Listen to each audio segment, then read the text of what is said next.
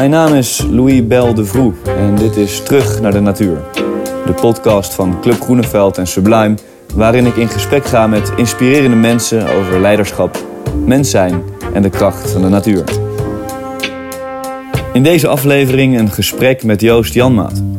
Joost is oprichter van campagnebureau en cultureel productiehuis Partizan Public, directeur van het Amsterdams 4 en 5 mei-comité, voorzitter van Stichting Vliegenbos en verder ook initiatiefnemer van het Parlement der Dingen, de ambassade van de Noordzee en Wild Amsterdam. Tijdens onze wandeling ontstaat een ware ontdekkingstocht en raak ik bevangen door de passie van een echte vogelaar. We gaan op zoek naar de lokale Big Five en spotten de havik, de ijsvogel en misschien zelfs de geelwangschildpad.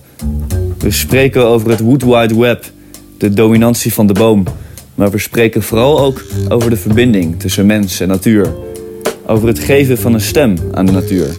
Want, zoals Joost zegt, als een beslissing alles raakt, dan zou eigenlijk alles daarover mee moeten beslissen.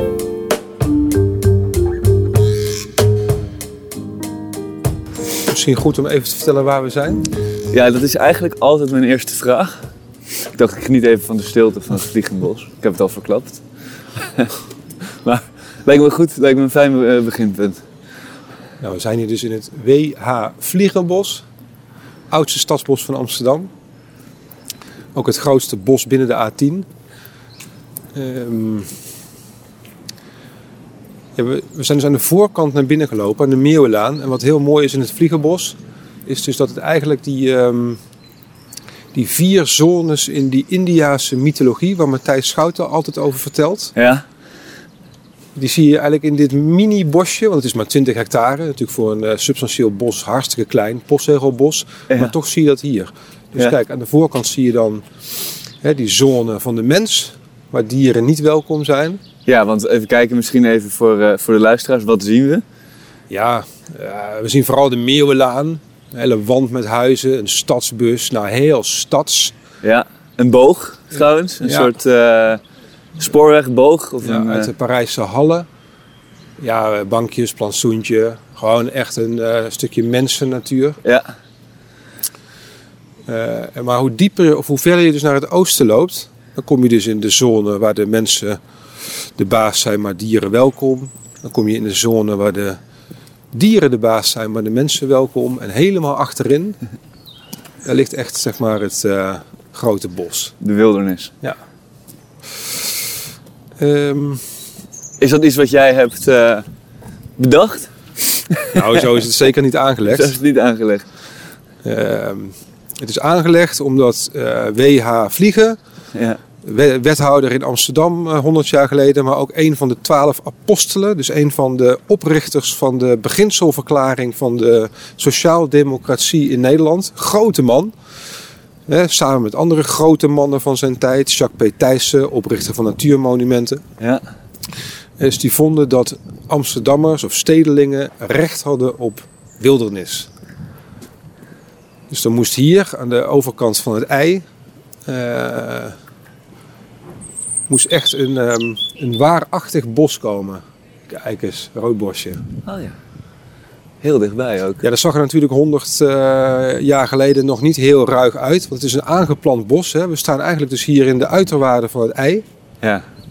Dus de noordgrens van wat nu het Vliegenbos is, de Nieuwe Dammerdijk, was 150, 160 jaar geleden de zuidgrens van Noord.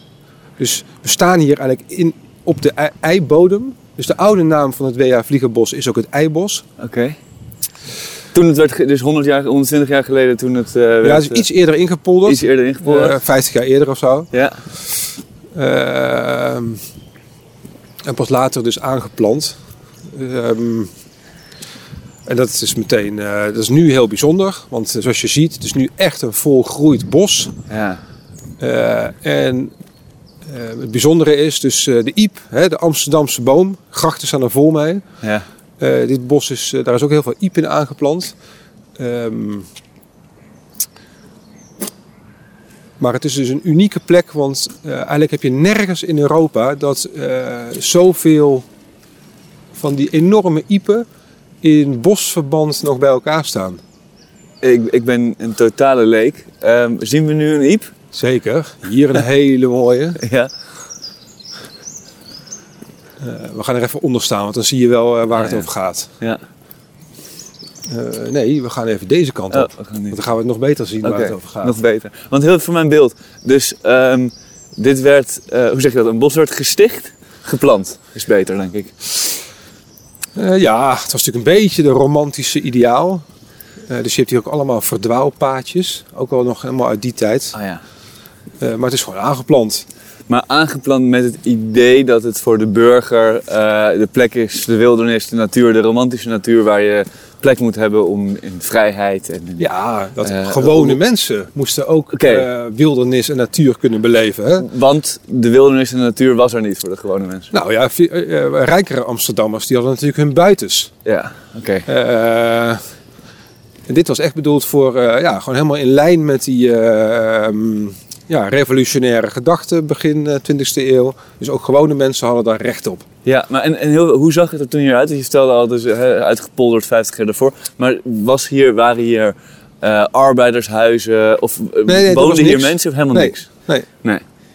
Dus dit is echt als bos eh, eh, gepland. Eigenlijk nog, veel, nog een stuk groter. Vliegen wilde het eigenlijk nog ongeveer twee keer zo groot hebben dan dat het uiteindelijk geworden is. Hij Ja. heeft er ook echt lang voor gestreden.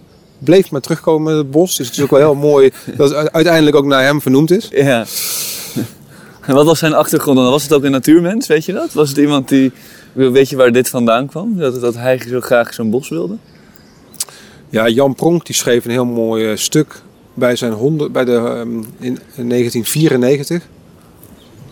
Ehm, over Willem Hubert Vliegen. Wie kent hem nog, schreef hij. De grondlegger van de sociaaldemocratie.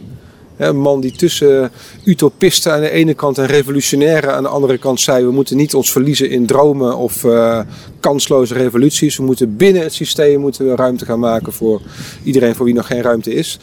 Ja, ik ken hem vooral daarvan. Ja. Eh, ja, en dit was voor hem denk ik ook vooral een verheffingsproject. Ja. Ja. ja. En, dan, en, dan, en, dan, en dan zouden de, de, de, de arbeiders, de burgers, eh, de, de niet de welgestelde rijke Amsterdammers, hoe kwamen die dan hier naartoe? Dus waar woonden ze? Kwamen ze dan met een, met een bootje? Of kwamen ze Nou nee, het is dezelfde tijd dat hier dus eh, tuindorpen werden gebouwd. hieromheen? Ja, Ja. ehm, dus eh, en dat was, dat, dat was ook zo'n reactie. Hè? Dus eh, een reactie op die verkrotting in de Jordaan. Ja. Eh, mensen hadden recht op eh, eh, ja, eh, mooie huizen, lucht, licht en ruimte. Dus toen zijn hier die tuindorpen gebouwd naar Engels model. Dus eh, veel lager dan in de eh, stad. Echte appartementen. Eh, en dus verpakt in, ehm, in gebouwen die eh, ja, arbeiderspaleizen werden. Gewoon echt mooi ontworpen eh, wooncomplexen. Ah, en komt Dus dat daar... ligt hier allemaal omheen. Ja, Noord, dus dat betreft, natuurlijk super interessant.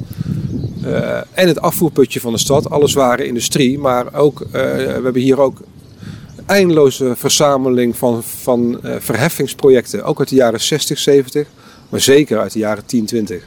En komt de term... eh, ik ken eigenlijk alleen de term... Ik ken de term tuindorp denk ik helemaal niet. Maar dat is, het tuindorp komt ook uit het idee dat je lucht, licht en ruimte creëert. Ja, de Garden Cities hè, was dat eh, ideaal. Ehm, eh, ja, dat is- ontstond in Engeland natuurlijk in reactie op die hele eh versmokking van de binnenstad in de industriële revolutie. En de verpaupering van al die arbeiders die naar de stad trokken. Ja. Ehm, ja, tuinsteden, dat zijn dus... eh, ik kom zelf uit Eindhoven. Dus Philips die bouwde ook tuinsteden. Dus ehm, wijken met meestal wat lagere eh, bebouwing. Bredere straten, veel eh, pleintjes, parken, plantsoentjes. Oké. Ehm, en, en gewoon daglicht. Die hele woningwet die, die stamt ook uit ongeveer uit die tijd. Dat we echt gingen nadenken over gezonde eh, woningen. Ja, kijk, we staan nu dus, eh, we lopen dus nu. Dus Vliegerbos heeft dus voor Amsterdamse begrippen eigenlijk hele grote bosvakken. Eh, het is nu ehm, begin maart, hè, dus die meidoorn die begint al langzaam in blad te komen. Maar voor de rest kijk je natuurlijk nog best wel door het bos heen. Ja. Eh, Het is eigenlijk de, de, de lente die, die hoor je vooral. Kijk, over een maand dan eh, is het hier gewoon eh, de groene hel. En dan sta je hier, eh, ja, ik zeg altijd het Vliegerbos is voor mij echt de, vergelijkbaar met de Amazone. Dus echt diep groen. Hè, Er zijn plekken waar je dus gewoon niks meer hoort, niks meer ziet. en je echt gewoon midden in een bos staat. En dat is natuurlijk wel bijzonder, midden, midden in de stad. We zijn Ja. hier op een kilometer van het Centraal Station. Ja. ja. En waarom is dit, eh, misschien ga ik een hele oneerbiedige vraag stellen. Waarom is dit geen park? Ja, hele goede vraag. Ehm, ja, het is wat je er denk ik in wil zien. Ja. Eh, het Vliegenbos is eigenlijk het eerste stuk eh, natuur van wat we dus de Schellingwouderscheg noemen. Dus een aaneenschakeling van parken, bossen, het rietland. Ehm, die dus vanuit vlakbij Centraal Station, of eigenlijk het centrum van de stad, verbindt met Waterland. Oké. Ja, als je het helemaal goed bekijkt, of verbindt het natuurlijk. Als je naar verder naar het oosten gaat, dan is het Vliegenbos staat natuurlijk in directe verbinding met de oerbossen van Polen. Want? Nou ja, dit is natuurlijk wel. eh, het is een beetje hoe het, eh, eh, het Europese bos eruit zag. Qua dan komen- bebossing, qua Ja, dan de, komen ze nu- bomen. Dat is natuurlijk nu de nieuwe ehm, inzichten. Dat dus Europa geen ehm, canopy forest had. Hè, dus een aaneengesloten bosgebied. Maar juist een heel erg ehm, forest, een soort van bosmozaïek. Dus met heel veel open plekken. Ja, Open en gesloten bos. Jong en oud bos. Dicht en eh, eh, open bos. ja. En dat is, vind ik, dat inspireert mij dus in het Vliegenbos. Dus dat je al die bostypes hier in de miniatuur ziet. Ah ja. ja. En welk deel van het bos zitten we nu? Als we kijken naar Nou, de indeling. Kijk, als je hier dus naar eh, links kijkt, enorme populieren, enorme iepen, hè, 30 meter hoog of zo. Kijk je deze kant op, kijk, hier sta je in een stakenbos. Allemaal jonge S.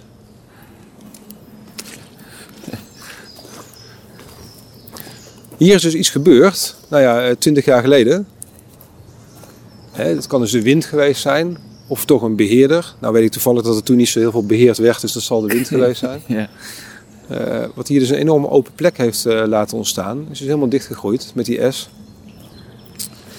Want wat is het? ehm jij, bent, jij bent voorzitter van de stichting Vliegenbos. Ja. Betekent dat ook dat je over het beleid gaat van ehm, de natuur?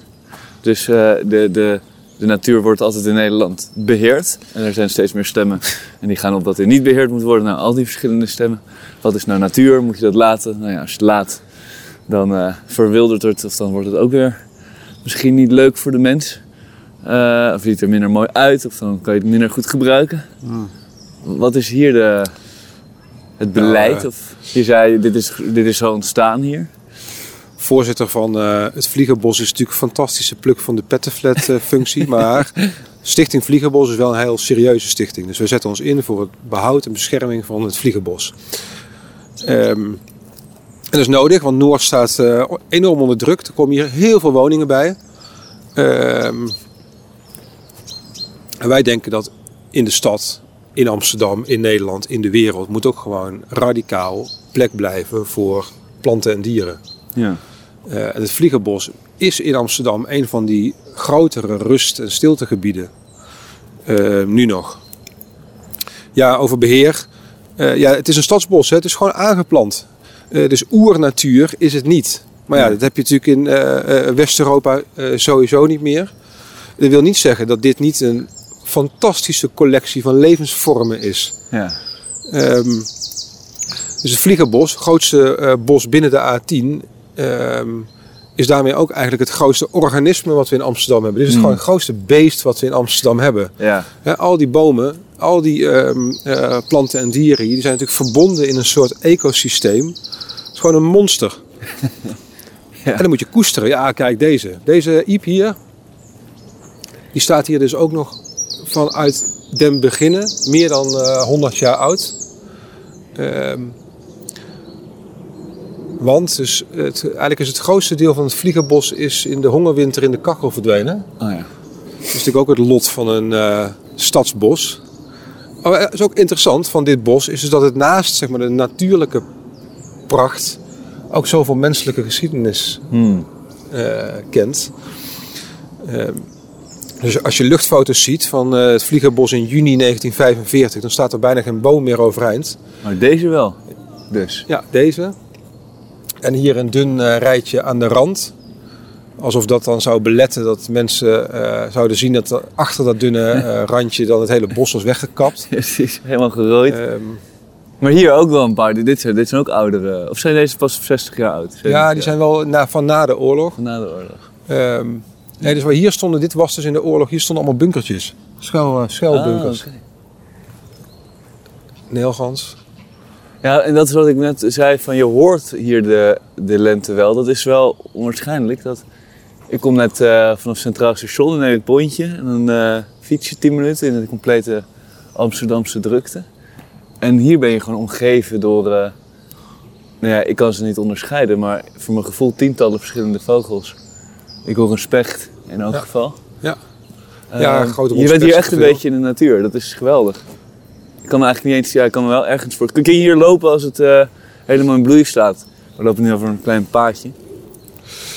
Maar ik Eh, kan me ja. voorstellen dat het amper. Nee, dit is, dit, is, dit, dit, dit is fantastisch. In de, dit is, over een maand is dit één groene hel.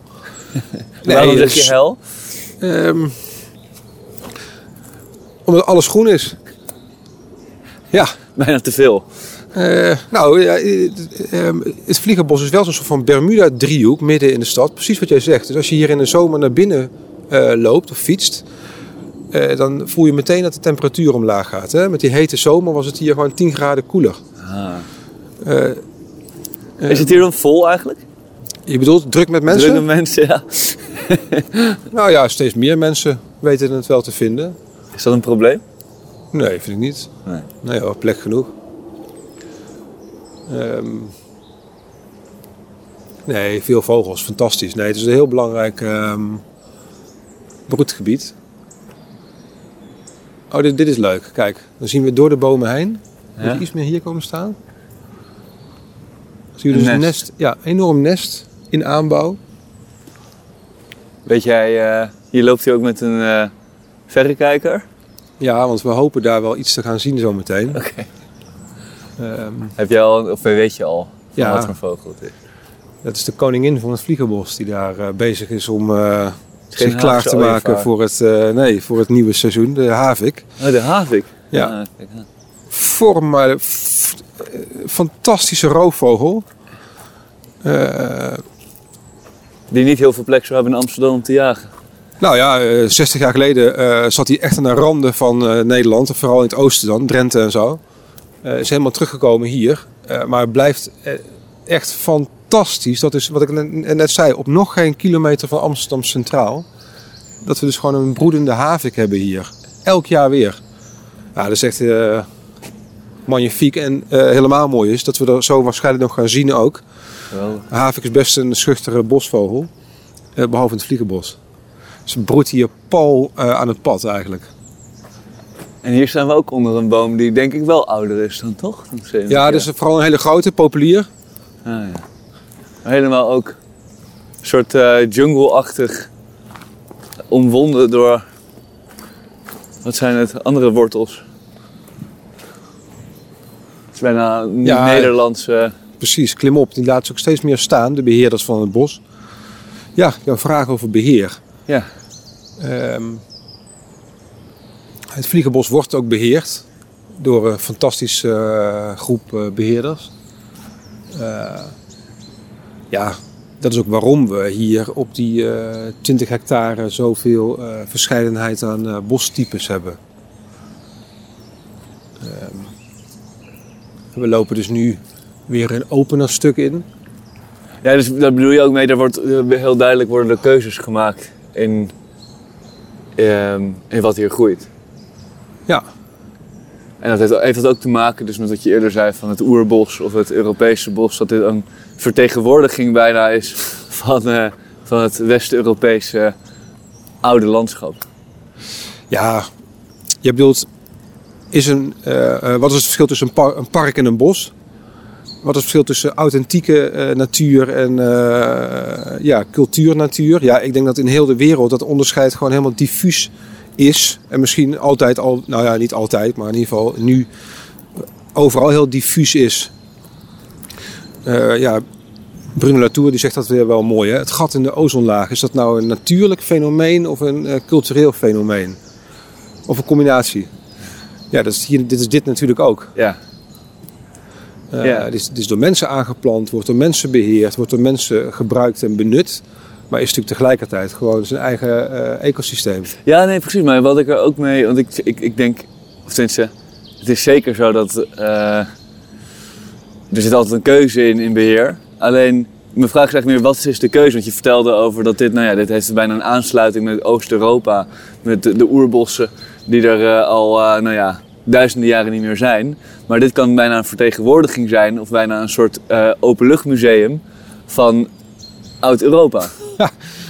Eh, eh, nou, dan ontbreken er natuurlijk heel veel soorten. Eh,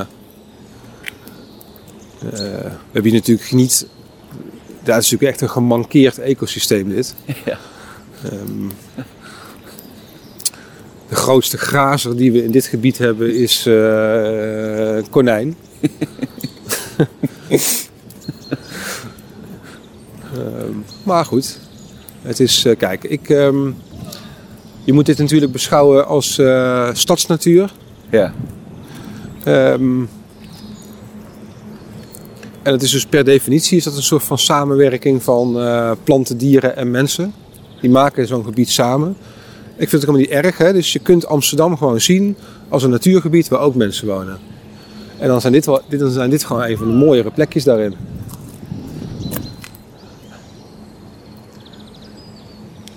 Als het een natuurgebied is waar ook mensen wonen, wie zijn dan de hoofdbewoners van eh, de natuur Amsterdam?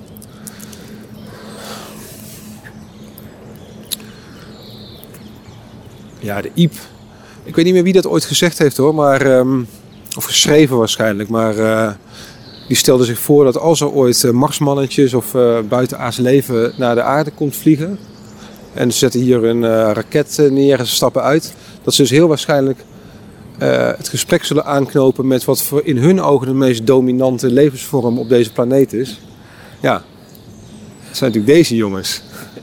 Bomen.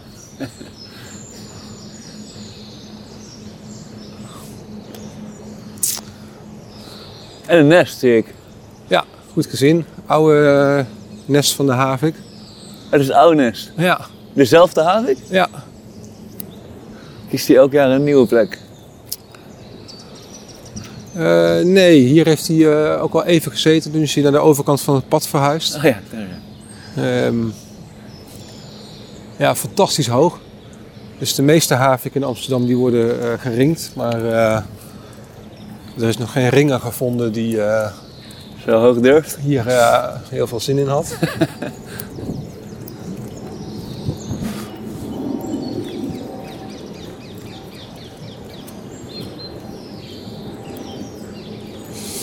Denk je dat je met, eh, misschien een hele vage vraag, maar denk je dat je met bomen kan praten eigenlijk? Zit over door te denken dat die, dat die aliens naar beneden komen en misschien zijn wij wel heel gemankeerd. En eh, ik moet denken aan de film Hitchhiker's Guide to the Galaxy. ja. Waarin eh, ten eerste blijkt natuurlijk dat de dolfijnen veel slimmer zijn dan mensen. En die vertrekken dan van de wereld. Omdat zij al doorhebben dat de wereld kapot gemaakt gaat worden. En ten tweede dat dan blijkt dat de muizen nog veel intelligenter zijn. Want waarin wij dachten, de mens, dat wij experimenten met de muis deden. Met in die hokken met van die doolhoven. Ja. oven. Dat was eigenlijk de muis die testte hoe intelligent wij waren. Om te kijken wat voor testen ze op hun konden doen. Ehm, dat zijn we dan ook eigenlijk aan het denken dat als er naar aliens naar beneden komen, marsmannetjes, ehm, dat misschien wel blijkt dat de, de, de, de, de bomen, misschien de ants uit eh, Tolkien, wel een stuk meer te vertellen hebben over deze wereld dan wij. Ja, nou ja. Intersoortelijke communicatie. Nou ja, het zal er wel zijn. Ehm, eh, ik denk als je meer afhankelijk bent van de wereld om je heen, de levende wereld om je heen, dat je ook wel meer receptief bent voor. of dat je ook meer communicatievormen hebt. Ehm, ik heb ook eens gelezen dat een boom eh, 15 eh, zintuigen zou hebben, waar wij er dan 5 hebben. Ja, 6 som- volgens sommigen. Dus eh, behalve dat er misschien zoiets mogelijk is als communicatie met andere niet-menselijke soorten, denk ik wel. Dus dat weet ik niet. Ehm, maar daarnaast, ja, je kunt je ook, voor- wat je wel kunt afvragen, wat kun je daar echt van leren? Dus wat kan ik leren van zo'n iep? Ja, Of van die havik? Wat heeft hij mij te vertellen? Eh, jij loopt al een tijd langer eh, in bewustzijn met, eh, rond met de Ipe en Havike dan ik. Dus als je die vraag aan jezelf stelt. ja.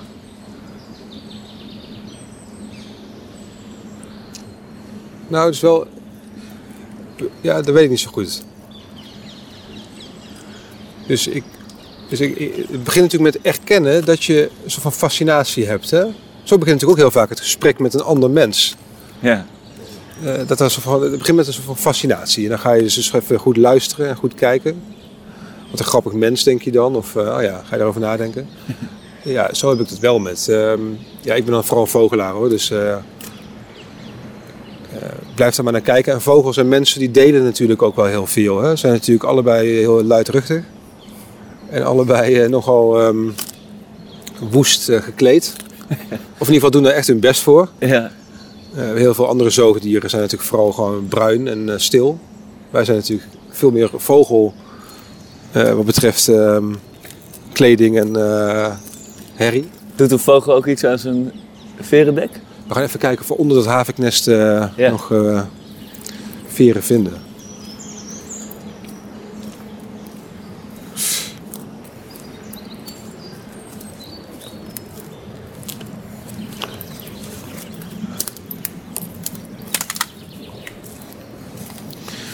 Ja, we lopen dus nu door een, over een soort van tapijt van speenkruid. En wat dat betreft ben je dus echt precies goed. Want dit is dus over een... eh, je ziet al nu, hè? Dit, is dus, dit wordt dus helemaal geel. Dit wordt? Helemaal geel. Kijk, die bloemen die je nu overal op ziet komen... Oh, ja. die staan eh, morgen of overmorgen. Dus zijn die allemaal eh, aan. Dan is het hele vliegenbos is geel.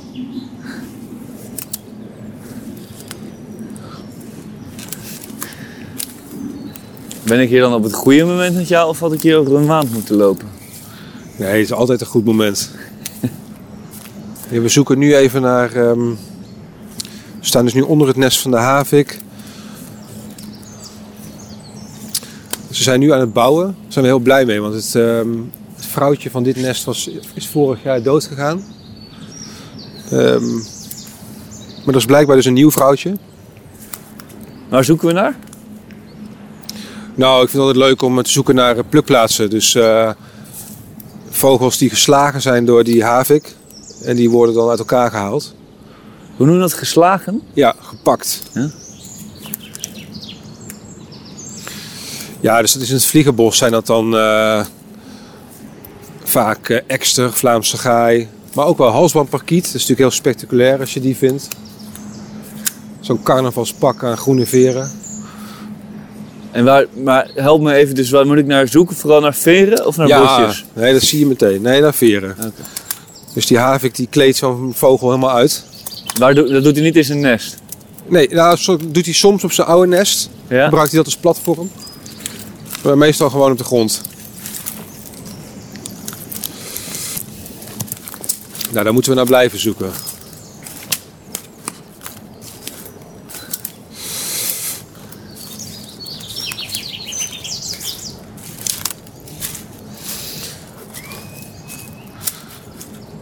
Nou, we, we, we staan nu eigenlijk op de plek waar vroeger dus een ehm,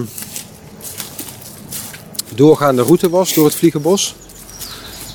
Ehm, en hier is ook weer een eh, soort van cultureel, historisch verhaal.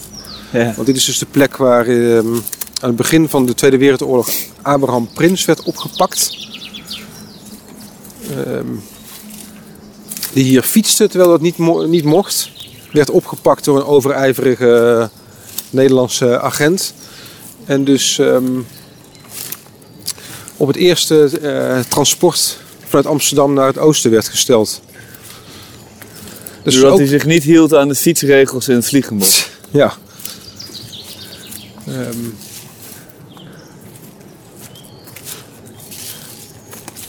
Hallo.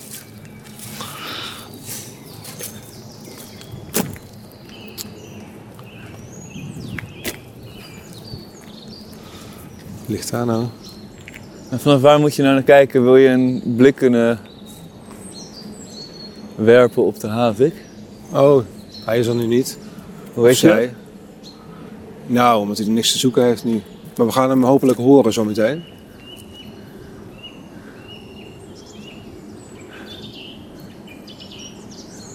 Weet Ja, jij- eh, kijk, de Big Five in het Vliegerbos. ja.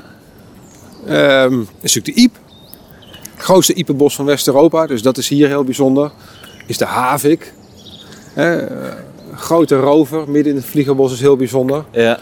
Ehm, heel leuk is eh, de ijsvogel. Heeft hier ook een eigen eh, territorium en eh, nestlocatie. Gaan we die nog zien? Misschien. Ja, kijk, een ijsvogel zien betekent meestal dat je je opeens herinnert dat je iets zag. Dan heb je een ijsvogel gezien. Zo van blauwe Alles streep verleden, die, zeg maar. die echt kaarsrecht door het landschap gaat. We gaan zo. Dat is nummer drie. Ja, eh, hele mooie soort eh, is de bosuil. Ja. Het mannetje zit hier al jaren. Vorig jaar is er voor het eerst ook een vrouwtje gehoord. Eh, maar dat is natuurlijk zo'n iconische soort. Hoor je dan s'nachts? Die hoor je meer dan je ziet. En eh, heel bijzonder voor het vliegerbos is de geelwangschildpad. Die ooit er- uitgezet er zijn er- door iemand. Ja, er zijn er ooit in de jaren negentig een paar van eh, gedropt hier. Maar die eh, gedijen dus heel goed. Oké. Wat is jouw favoriet? Ja, havik. Ja, ik Ja, is dat eigenlijk op. Sinds wanneer zit de havik hier? Ja, goede vraag. Ik weet dat er ehm, eh, in ieder geval een jaar of 15 zou ik zeggen, maar misschien ook wel daarvoor. En ondertussen ben ik benieuwd in welk deel van het bos we zijn aanbeland. Want als ik naar rechts kijk,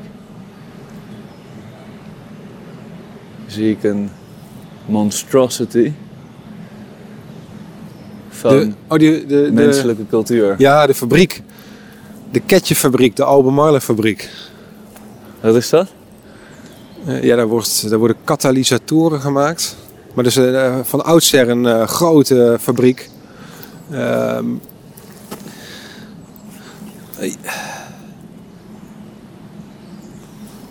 Wat is het? Resten? ja, het is een poepje, maar er zit allemaal, zie je, er zit allemaal... Er zit iets in wat niet eh, natuurlijk is. Nee. Maar dat is wel leuk, want dit is van de Vos.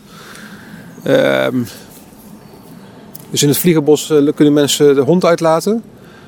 Dat is heel leuk voor die honden, eh, maar dat zorgt natuurlijk ook dat het, zeg maar, het, de rest van het bodemleven wat beperkt is. Dus we hebben wat egels, af en toe een konijn, maar daar houdt het ook wel een beetje op. Ja. Ehm, maar dan heb je natuurlijk eh Reinaard de Vos, die zich er allemaal weer niks van aantrekt. Ehm, dus die komt hier vooral in de avond en s'nachts, als het wat rustiger is. En overdag zit hij dus lekker op het verboden terrein van de Albemarle fabriek. Achter het hek. Dat is, een zeer, eh, dat is nou echt een beest wat, nou ja, van de Vos Reinaarde. Ja, Dus Ja, die- die- fantastisch. Lekker neemt- opportunistisch. ja, precies, die haalt dat menselijke en het natuurlijke gewoon samen. Dus dit is een...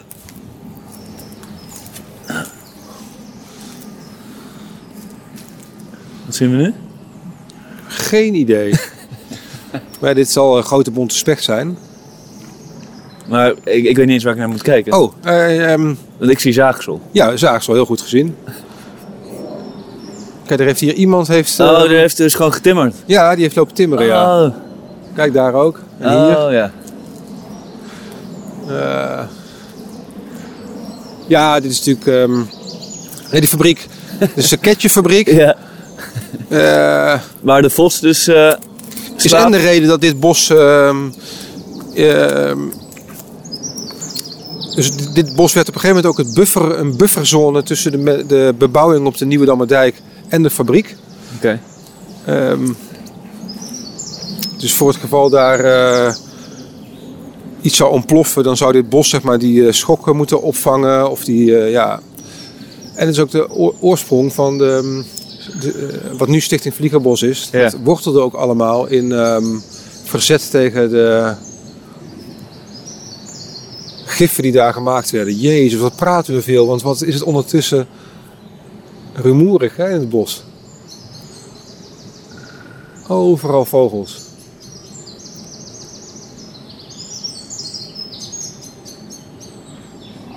Is dit al een enorm verschil met een maand geleden?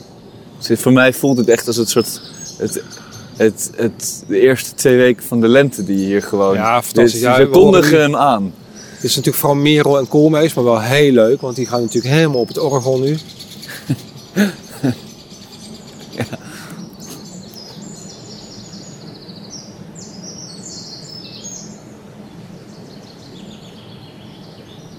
Kijk, en we komen nu ook langzaam in echt het eh, dichtere stuk van het Vliegenbos.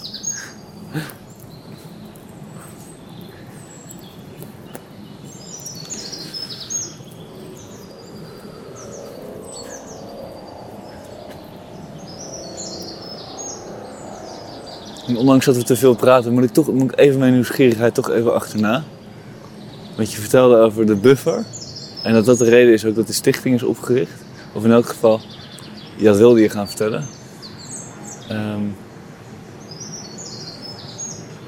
waarschijnlijk dat er een gevaar was voor het feit dat misschien het bos gebruikt ging worden voor woningen. Of, Ja, dus eh, in de jaren 70 wa- was het activisme tegen de ketjefabriek eh ging over ehm, gifgassen. Dus eh, volgens de overlevering eh, waren er dagen dat de, eh, de was aan je waslijn in, in de tuin gewoon verdampte vanwege de, het gif in de lucht. Ik weet niet of dat echt zo is. Maar de zorgen waren er niet minder om. En ook er is toen nou, genoeg onderzoek gedaan om. dat was allemaal niet heel fris. nee, Ehm, Stichting Vliegerbos is opgericht in 2002, eh, toen er plannen waren voor ehm, woningbouw hier. En dat is gelukkig weer van de baan. Kijk, leuk, ja, Kijk, roodborst.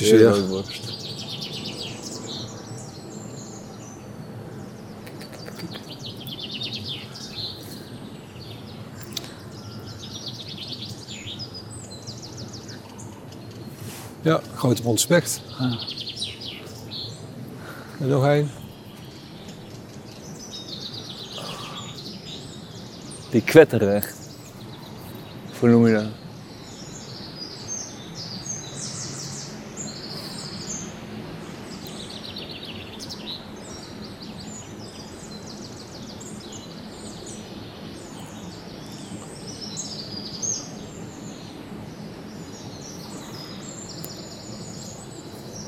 Ben je op zoek met je oren naar iets? Ja, winterkoninkje.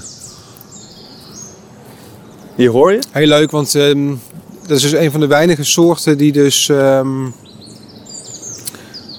uit eh, Amerika via Azië eh, en ehm, Europa dus hier terechtgekomen is. Buizerd horen we. Kun je nadoen? Ja, ze noemen dat miauwen.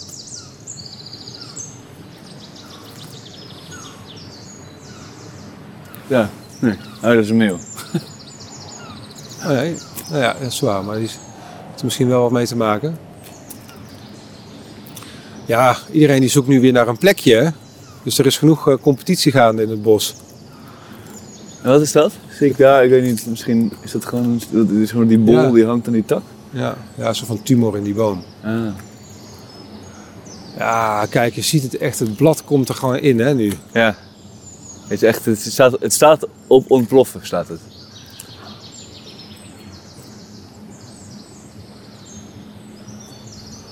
Maar kijk, dit is natuurlijk de mooiste tijd van het jaar om dus ehm, ja, dit eigenlijk te kunnen zien.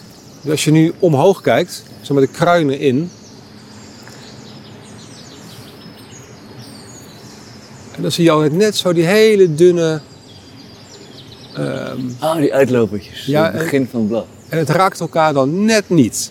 Dus tussen al die kruinen van al die bomen wordt dan net een beetje ruimte gelaten. Ah, ja.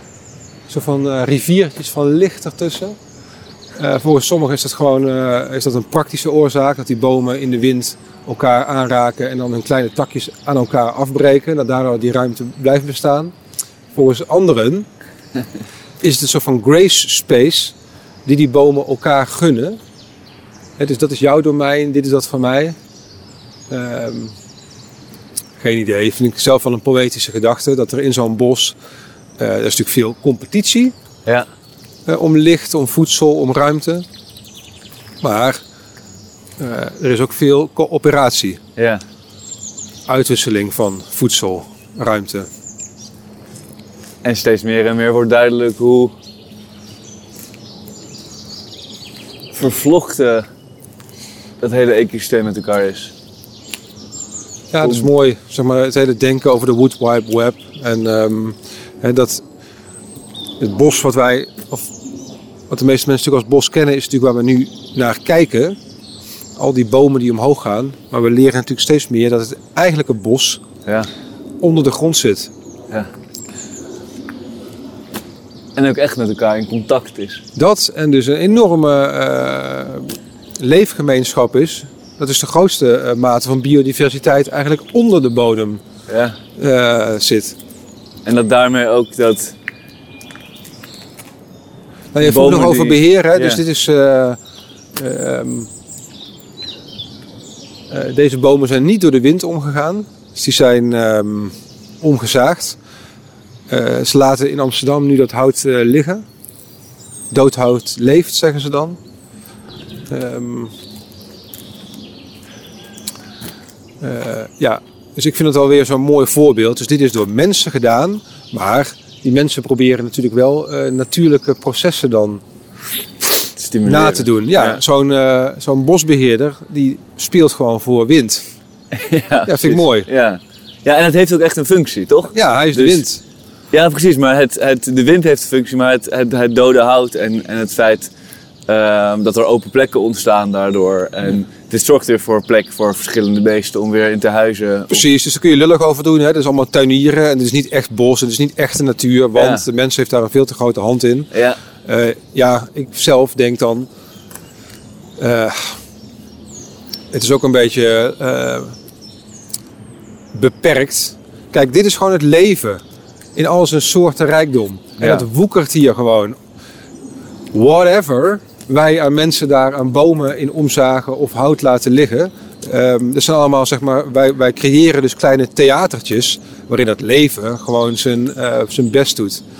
Ehm, ja, en daarvan is zo'n vliegerbos natuurlijk zo'n mooi voorbeeld. Dat je midden in een stad, waarin alles door menselijke belangen wordt bepaald. ja. eh, en altijd, eh, ja, toch op heel veel fronten de mens natuurlijk voorrang krijgt op de rest. Dat er dan toch zo'n, ehm, ja, stukje wildernis mogelijk is. Ja, ik vind het een enorme rijkdom. ja. Want je, je vertelde dat ehm, ook als je met mensen kijkt, dan volg je eigenlijk je fascinatie. Als ik je zo hoor, dan zit er een behoorlijke fascinatie. Nou de Iep en de Havik komen voorbij. Je zei met vogelaar. Je komt uit Eindhoven. Ja.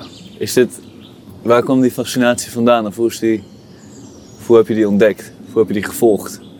Tot het moment dat je hier bij mij staat over haviken te praten. Ehm, ja, zoals bij heel veel dingen, dat wordt je natuurlijk toch gewoon. het zijn natuurlijk allemaal eh, dingen die uiteindelijk gewoon door mijn ouders zijn doorgegeven. Ehm, Dus jij groeide op in een, met ouders die, die af en toe een weekend erop uittrokken met een verrekijker. ja, zeer regelmatig. En nu nog steeds. Dus ehm, mijn vader is steeds een hele goede eh, vogelaar. Of eh, mijn, eh, hoe heet dat? De nieuwe man van mijn moeder, hoe noem je dat? Een pleegvader? Nou ja, Zoiets. Stiefvader. Ja, ja, zo zou ik dat dan zeggen. Ja, anyway. Voelt niet goed. Ja, Ja, ze precies. doen dat. nee, dus daar leer ik heel veel van. Ehm, Maar wacht even, Nee. jouw, jouw biologisch jouw, jouw vader is, is een groot vogelaar. En de tweede man van jouw moeder is ook. nou, mijn vader, die, mijn ouders, die waren een beetje van de Club van Rome. Ja, Eh, ja, zoals denk ik heel veel mensen in die hippie-tijd aangeraakt werden door eh, het denken over eh, de, de, de grenzen aan de groei, consuminderen, zure regen. Ehm, ja, dus die hadden een soort van. Ik ben opgegroeid in een soort van ehm, zelfvoorzienende situatie. Dus we aten alles uit eigen tuin. Ja, ik vond dat natuurlijk helemaal vreselijk, want ik Ja. wilde gewoon cola en chips in Ja. plaats van eh, eh, ja, verrimpelde appeltjes en eh, zo. Ja. Zelfgebakken koekjes. Ja. Ehm, maar dat is natuurlijk wel zo'n heerlijk trauma, wat natuurlijk dan op latere leeftijd weer heel mooi positief op gaat spelen. Want je hebt je in, je in je kindertijd, de puberteit verzet tegen Ja, de tuurlijk, omgeving tuurlijk. waarin je zat. Ja, nou, dat heb ik me inderdaad een tijd eh, eh, gelaafd aan chips en eh, cola. Maar om nu natuurlijk weer helemaal terug te komen bij waar, het, ehm, waar het over gaat. Nee, en ik heb nu zelf kindjes, dus ik ben ook wel bezig om ze dat dat trauma lekker te traumatiseren met vaak vogelen en naar het vliegenbos. Maar hoe komt, zo'n, hoe komt dat trauma dan weer op een goede manier terug? Dus eh, daar moet ergens een. Want ik, je zegt, ja, het paplepel. En ik geloof daar ergens wel iets in. Maar ik geloof ook niet dat je fascinatie... Fascinatie kan je niet met de paplepel ingieten, denk ik. Je kan wel de omstandigheden creëren waarin die fascinatie duidelijk wordt. Ja. Ehm.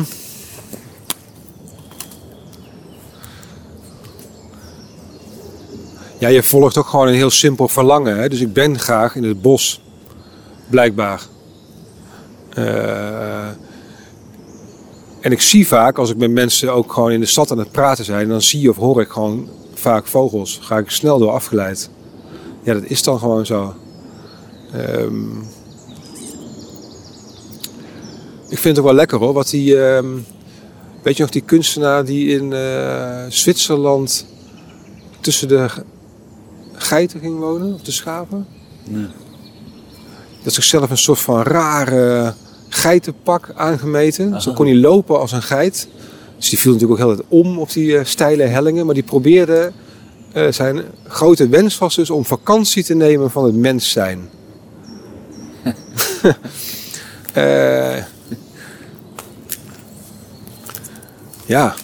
En dat lijkt jou ook wel wat. ja, dat is natuurlijk een hele leuke opdracht om aan jezelf te stellen. Opgaan in de natuur. Ja. Ja, misschien. Maar ook gewoon eh, even een daytrip eh, van jezelf. Even geen mens. Ja, normaal zien we dus veel meer mensen ook in het Vliegenbos. En dan vooral ook allemaal wilde mannen en vrouwen. Want dit is natuurlijk, juist omdat het midden in de stad ligt, ook zo'n plekje waar ehm, ja, allerlei types dan toch eh, een ehm, tentje opzetten. En te is mij- ja, dat is voor mij ook wel echt onderdeel van het Vliegenbos. Hè? In een stad en een land dat zo aangeharkt raakt. En waar alles, eh, de huizenprijzen de pan uitstijgen. En, pff. nou ja, Amsterdam wordt wel echt een nette stad natuurlijk. Ja. Is wel heel leuk dat er hier in het Vliegenbos Nog iets Eh, van anarchisme. ja, nog een soort van dingen gebeuren die eigenlijk niet mogen. of niet horen. Ehm, ja, we zijn nu helemaal in het achterste stuk van het Vliegenbos. We staan op een soort van klein dijkje. Ja. Eh, dus dit, dit, is, dit vind ik een van de mooiste stukken. Dus je hebt hier echt het gevoel dat je dus nog in een uiterwaarde bos staat. Hè, een ooienbos. Eh, het is heel nat. Heel kleiig. Beetje moerassig. Ja, heel moerassig. Veel S. Dat is ook weer die iep. Dat geruststellende gezoem van de Albemarle fabriek in de achtergrond.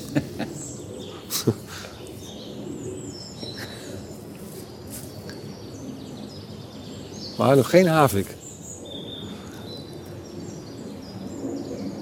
Kijk, kijk, kijk, kijk, kijk, kijk, kijk, kijk, kijk, kijk. Zo hoor je hem dan langskomen. We zitten nu natuurlijk nog een beetje in de elkaar weer opnieuw leren kennen fase.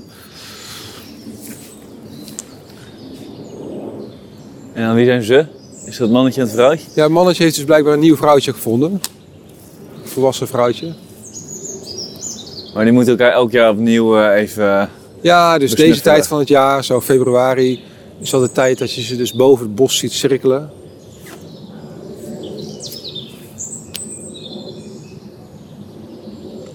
Mooie dagen.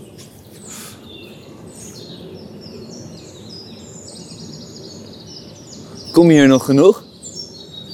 Ja, zeker. Ook, ga- nee, ga je ook in je eentje gewoon zonder doel hier wandelen en vogelen?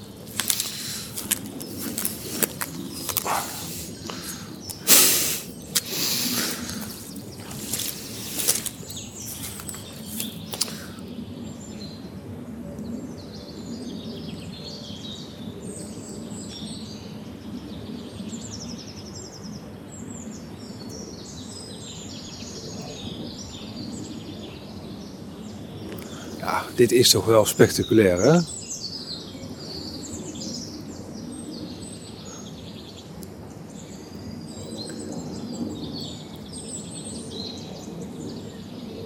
Heel leuk is dus wat we dus nu horen. Je hoort dus, al, je hoort dus iedereen die zingt nu op zijn sociaalst. Hè? Is allemaal, dus dit zijn geen alarmroepen die je hoort van pas op. Louis en Joost komen eraan, wegwezen hier. Ehm, Maar, Dit is eh, echt de get, de get together and get to know each other eh, dit is gewoon een discotheek. Ja, dit is echt heel leuk. Ja, echt, eh, ja, inderdaad. Het is Parenclub eh Vliegenbos. ja, ja, precies. ja. Dit is allemaal, allemaal aandachtzoekerij. ja, het lukt wel hè, want wij staan ook weer omhoog te kijken.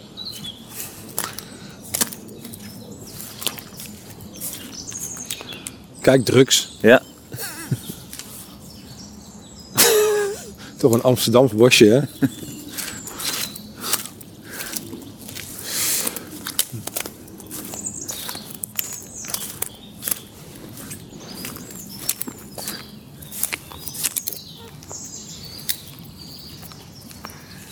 Resten.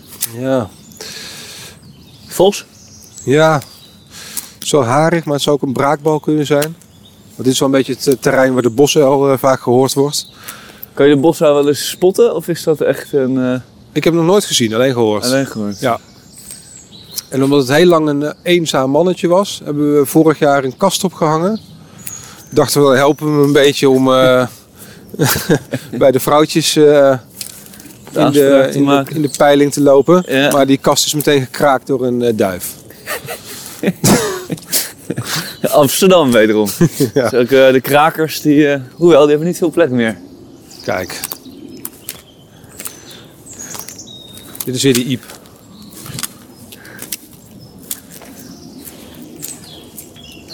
Kijk, hele mooie, fijn betakte kroon, of hoe zou je het moeten zeggen. Ik vind dat je dat mooi zegt. Het schijnt ook heel lekker te zijn. Dus de olifanten in achters die krijgen ook iepe, iepenblad en iepe tak te eten.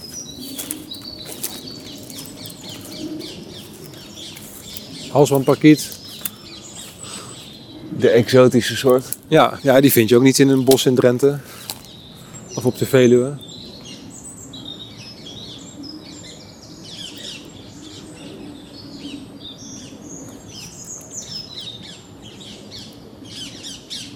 Kijk eens, hij. Gaaf. Nou, wat zeg ik? Dat is wel Amazone? Een hele groep halsbandparkieten.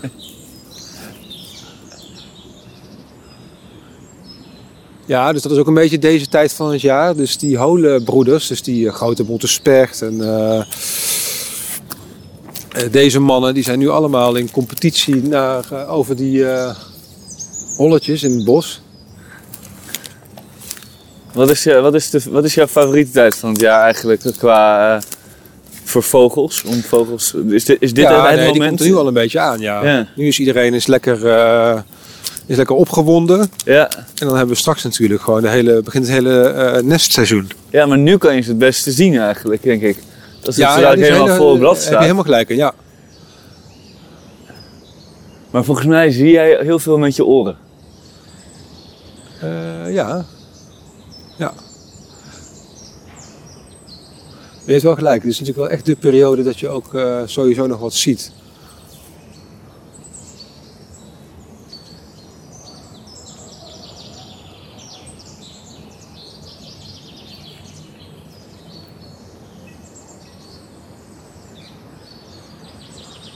Ja, het vliegenbos als een van vogeldiscotheek. Ja.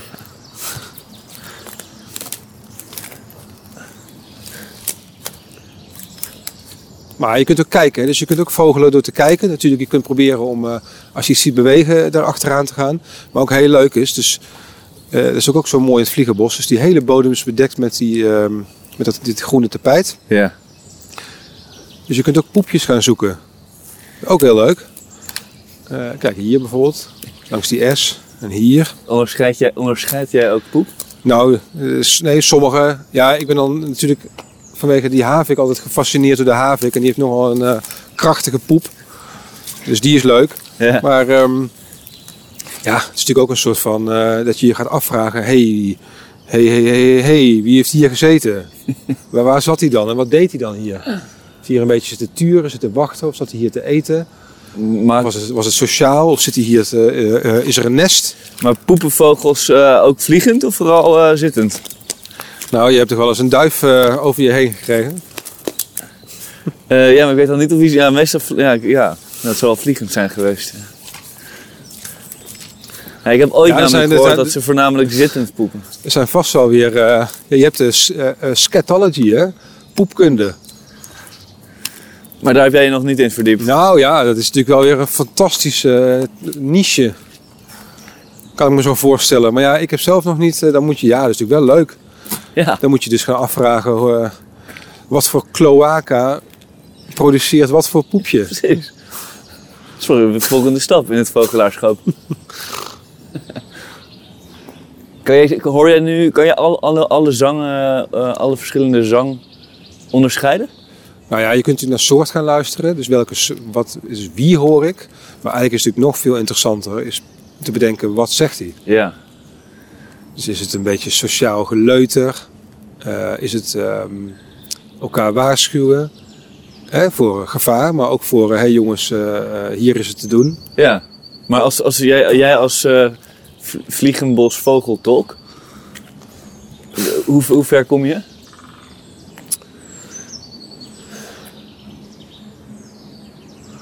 Eh, nou, eh, ik moet heel veel mensen voor mij dulden hoor. Ja, maar goed, mij niet. Wij staan hier nu samen. Ja, eh, hoe heet die? Simon Barnes, die eh, Engelse vogelaar. Die ehm, heeft een boekje geschreven, How to be a Bad Birdwatcher. Dat vond ik wel heel inspirerend, want hij zegt, het gaat er dus niet. Je hebt dus zeg maar de, de, de mensen die precies weten ehm, welke wat welke vogel is en welk geluid het je maakt en welke het eh, derde kalenderjaar Ja. juveniel van alle meeuwen kennen. Eh, nou, dat eh, heb ik niet. Zou ik wel leuk vinden. Toch wel? Ja, tuurlijk. Ja, want maar het gaat natuurlijk meer om gewoon verwondering en pret. Dus daar heb ik heel veel van. Ehm, en het op naam brengen is natuurlijk wel... Ja, daar begint natuurlijk wel... dat is natuurlijk altijd wel de eerste trainer kennis. Ah, ja. Maar, maar wacht even, want we gaan, eh, we gaan nog even langs de... We gaan kijken of we de ijsvogel nog Oh ja. op zijn staart kunnen trappen. Maar waar zit nou die verwondering en die... Ik kan me ergens wel, wel vatten. Maar wat is dat nou precies, die ver- verzondering? Ja, maar ver- eh, weet je, weet, je dat voor je, weet je dat voor jezelf? Ehm, nou, ik vind dat altijd heel moeilijk uit te leggen. En ik begin het eigenlijk steeds meer te, on- te, te, te, ontplooien of steeds meer daarvoor open te stellen van het plezier dat je de natuur hoort of ervaart dat je onderdeel daarvan bent. Maar tien jaar geleden of vijftien jaar geleden kon me echt behoorlijk gestolen worden, al die geluiden in het bos. Ja, En ik denk dat heel veel mensen ook nog gestolen kan worden. Maar ik, vraag me, maar ik denk tegelijkertijd dat je ook veel mensen ervoor open kan stellen. Dat je denkt, nou, daar, zit iets moois in. En wat dat dan is. Nou, ik denk voor mij twee dingen. Dus de ene is dat intergenerationele. Dus dit is iets wat ik van mijn ouders heb gekregen en wat ik graag doorgeef aan mijn kinderen. Dat is heel klein, maar je zou het ook groter kunnen zien. Het is natuurlijk iets wat altijd in ons heeft gezeten. Dus we zijn natuurlijk...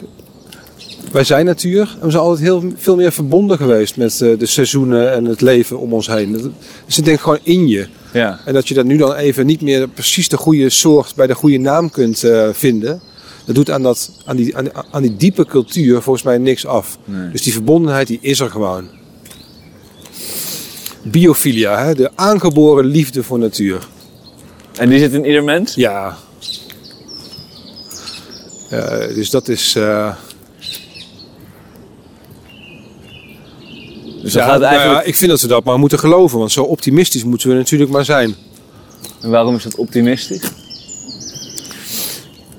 Nou, ik vind het, het lijkt me heel eh, droevig stemmend als we moeten concluderen dat we helemaal losgezongen zijn van de rest van het, alle DNA-variaties die we leven noemen.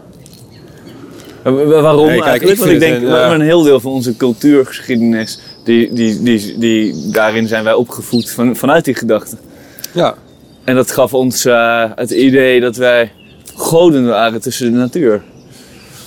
Maar dat is dan een droevig idee. ja, vind ik wel. Ik vind het een heel eh, leuke gedachte dat dus de, deze S hier eh, misschien wel eh, 50% van zijn DNA deelt met mij.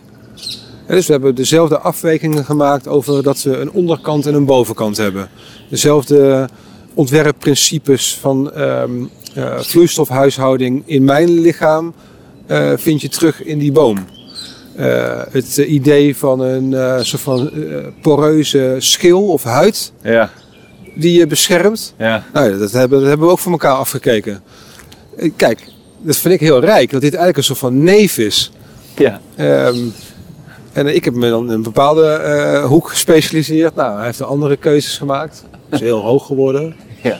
Ja, heel stationair. ja. Nou, werkt misschien voor hem. Ik heb dan weer andere dingen eh, waar ik goed in ben.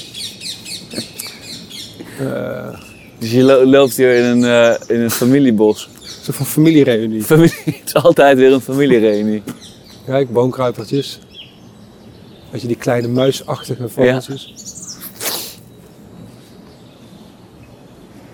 En welke vogel voel je het meest verwant mee? Wat is de dichtste, dichtste neef? Ja, mooi. Ja, ik ben nogal sociaal, dus dat zal dan toch de spreeuw worden. Dan kun je dus hier ook de klok op gelijk stellen in Noord. Dus ehm, zeg maar een half uur voor de schemer. eh, hebben we hier dus die grote verzameling eh, van spreeuwen. Murmuration in het Engels. Dat ken je natuurlijk wel, hè? die eh, enorme wolken. Ja. Ja, dat is natuurlijk gewoon. dus dat is heel mooi. Zeg maar die. Het fantastische talent om met zoveel samen zoveel eenheid te organiseren. Dat is natuurlijk prachtig. Ehm zien er prachtig uit. Flamboyante, rare, neonachtige stippeltjes. Ja. Eh, ze hebben dus een geweldig repertoire. Hè? Dus eh, de, de spreeuwen die op eh, Amsterdam-Amstel wonen, die, die kunnen gewoon de, de trein nadoen. Dat is natuurlijk heel leuk. Eh, maar wat me het mooiste is van die spreeuwen is dus dat je midden in de stad zo'n fantastisch natuurfenomeen kunt zien ja. elke dag. Dan hoef je alleen maar, eh, ja, dus ehm, nu rond een uur of eh, kwart over zes omhoog te kijken. Gegarandeerd. Ah, vind ik waanzinnig. En, en voel je daar het meest verwant mee? Of zou je daar het liefst Ja. dichtst bij verwant willen Nou, zijn? misschien ja. ja. Ik zou wel een murmuration willen zijn. Je zou tegelijkertijd één en een geheel willen zijn. Kijk, dit is ook een mooi stukje van het Vliegenbos. Dus ehm,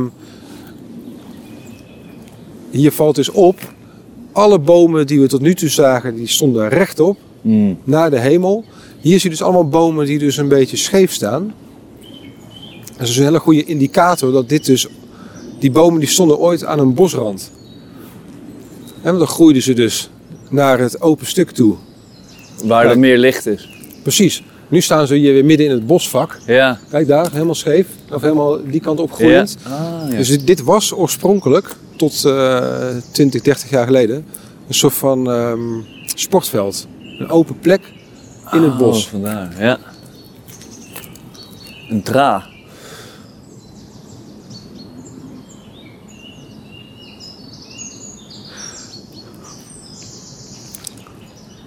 Nou, je kan dus door het vliegenbos lopen en eh, omhoog kijken. Naar de bomen, eh, het bomenvolk in al zijn verscheidenheid. Ja. Je kan ehm, recht vooruit kijken. dan ben ik met name aan het luisteren naar de vogels die je ziet. Je kan ook omlaag kijken. Dat deden we dus laatst met een hele groep van paddenstoelen-experts. Er zijn er geloof ik in Nederland 5000 soorten. We hebben hier dus heel veel verschillende bomen en we hebben best wel wat doodhout. Ja. Eh, dus ook de verscheidenheid aan zwammetjes en paddenstoelen hier in het Vliegenbos is dus enorm. Ehm, dat is ook weer zoiets, daar heb ik, me ook nog, no- heb ik me ook nog nooit echt in bekwaamd. Maar dat was natuurlijk fantastisch, want we zijn denk ik met elkaar zo vijf uur op pad geweest. Tientallen soorten gevonden. En toen Echt? keken we dus naar die vijf uur achterom. En toen waren we dus 30 meter het bos ingelopen. Ja. Wauw. Ja. Dat zie je? Nee, dat vond ik dus Oh, heel eh, ik dacht grappig. even- Dus, maar dat is weer zo'n heel, hele Ja. andere dynamiek van eh zo'n oefeningen in het kijken.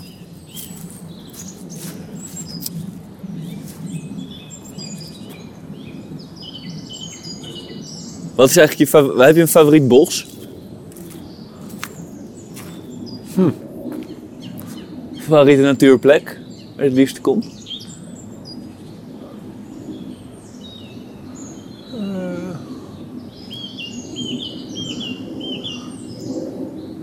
Nou, ik probeer eigenlijk meer te bedenken dat dus, ehm, als je in Amsterdam woont, dat dan natuur niet iets is waar je een uur voor in de auto hoeft te zitten en dan ga je een wildrooster over en dan ben je er. Ehm, maar dat het overal is. Het is ook tussen twee stoeptegels. Hè. Straatliefdegras, zo'n eh, zo'n soort die zich dus helemaal heeft gespecialiseerd en zich helemaal happy voelt tussen twee stoeptegels. En niet vaak genoeg vertrapt kan worden, want juist daarin accelereert die soort. Ja. Ehm, of de natuur achter een eh, elektriciteitskastje. Er gebeurt natuurlijk van alles in een straat achter de elektriciteitskastjes. Ja. Ehm, ja, dus ik probeer het eh, daar een beetje eh, te zoeken. En lukt dat? Nou, ik heb nu dus weer ontdekt, wat is eigenlijk het grootste natuurgebied van Amsterdam? Dat is het taluut van de ring A10. Eindeloos eigenlijk, hè, als je blijft eh, rondlopen. Maar dat is dus 32, of 42 kilometer. Best wel wilde natuur, want er komt nooit iemand. Ah, ja. Er wordt minimaal beheerd. Eh, dus eh, ja, voor heel veel soorten heel interessant, want heel rustig. Mhm. Of, ja, rustig omdat er weinig mensen met honden komen. Maar natuurlijk een enorm kabaal van eindeloze vrachtwagens die langs denderen. ja. Maar dat is ook weer zo'n fantastisch stukje. Ja, dat is dus niet natuur. dat is niet, de- weer niet de Amazone of de Hoge Veluwe of zo. Ja. Maar ja, daar moeten wij het allemaal mee doen. ja. Ehm, Maar ik begrijp dat je dat, dat, dat zo, ik hoor het en ik denk ook, oh ja, dat is mooi, maar lukt het jou ook om het te ervaren als natuur? Dus kan je dat Ja. ook zo waarderen? Kan je in, dit, in het verhaal stappen wat je mij vertelt? ja, dat doe ik dus ook de hele tijd. Ja. Ja. Ja. ja. Eh, ja. Ja, ik heb dus ook steeds minder. eh, ik doe het, het andere doe ik ook gewoon niet meer. Ik ga ook niet meer echt op reis naar eh, grotere natuurgebieden. Nee. Je brengt het gewoon hier naartoe. Ja, waarom zou ik eh, anderhalf uur naar de Veluwe rijden om dan daar eh, ehm, eh, vijf uur te gaan struinen? om dan weer terug te rijden. Ja, ik kan hier ook. eh, Ja. je, je kunt, je kan in het Vliegenbos of langs de A10 of. pff, ja, eh, eigenlijk is hoe marginaler het bosje, Ja. hoe beter. Want? Eh, ja, omdat er nooit iemand komt. Ja. Dus dan blijkt dan daar weer, er blijkt dan weer van alles te gebeuren. Eh, ja. Ga je beter van kijken en luisteren misschien ook. Je moet wel. Goh, wat een boel vogels, hè?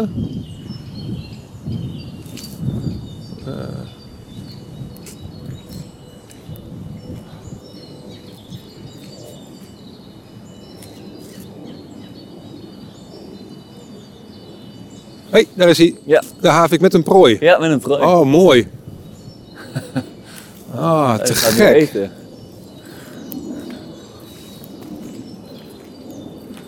Misschien vanaf hier? Nou, fantastisch. Nou ja, kijk, er zijn vogelaars die hun hele leven geen havik zien. Laat staan met een prooi. Zie je het of niet? Ik zie hem wel bewegen. Ja, fantastisch. Ja, hij houdt hem nog geklemd onder zijn eh, klauw. Is het mannetje? Ik denk het, het was maar een klein prooitje. Dus dat, is, dat is heel leuk van de havik. Dus die, eh, ja, e- één is kapot, dus je moet naar die kijken. Zie je zijn witte borst? Even kijken hoor. Ja, daar. Oh ja, wow. Ja. Vrij donkere bovenkant, grijs-bruin zeg maar. Oh, daar is hij. Ja. Helemaal witte borst met lange, lange Oh, broek. ah. Helemaal wit eh, met zwarte streepjes. Mijn oog gaat tranen. Oh. Hij is druk bezig. Ja, het schermt hem mooi af. Ja. Het heeft wel zijn, eh, zijn veren, zijn schouders opgetrokken. Ja, ja dan schermt ja, hij met zijn vleugels een beetje die prooi af. Ah, Wat een schutkleur ook. Het is, ik zie hem, maar je moet echt weten.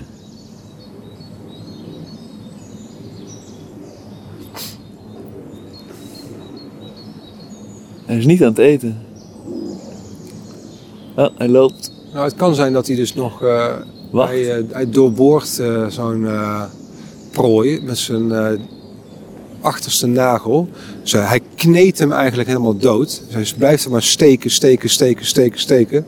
Totdat zo'n vogeltje bezwijkt aan eh, interne bloedingen. Eh, gaat hij daarna plukken. Ah, heel mooi van de havik is dus dat het eh, mannetje ongeveer de helft zo licht is als het vrouwtje.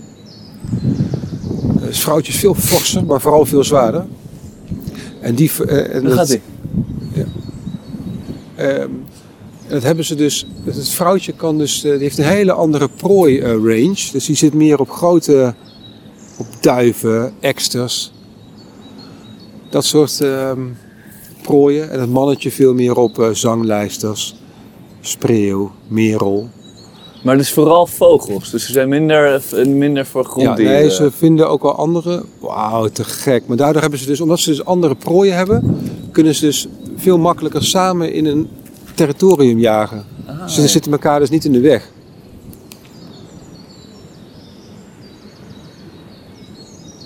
Wauw. Ja, dit is een mannetje. Gaaf. We doen niet meer aan namen geven. Gaat hij weer? Of doe je, dat stiekem wel? Maar ik heb het idee dat hij de prooi nu niet meer heeft. Heeft hij hem dan eh, in die andere boom gelegd?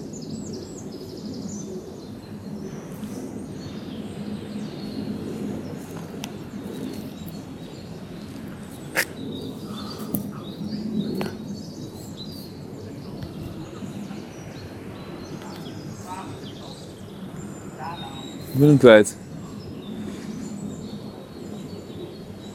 Oh, daar. Ja. Hop. Ja, Oh, daar ja. Door de takken heen. Ja.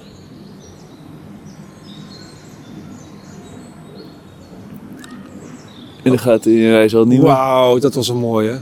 Ja, het havik, jongen, dat is echt de T-Rex van het vliegenbos. en ik vind het zo bijzonder, hè? dus dat alles gaat door, het leven gaat door. Terwijl er zo'n rover in het bos zit. En je hoort trouwens nu ook, Stiller? het is daar stiller, hè? Ja, ze noemen dat bij wolven, geloof ik, een ecology of fear. Dus dat er rondom zo'n wolvennest, daar komen dus geen eh, gazers. Dan weet ik eigenlijk niet hoe dat met die havik zit. Het zou heel zielig zijn voor die havik dat hij nooit hoort wat wij horen. Hij heeft zijn eigen eens, eh, vacuüm gecreëerd. Ja. Kijk nou, oh wauw. Zie ik niet zo'n klauwen mooi. Kijk eens, hé. Ja, echt een prachtige. Ah, dit is bijzonder.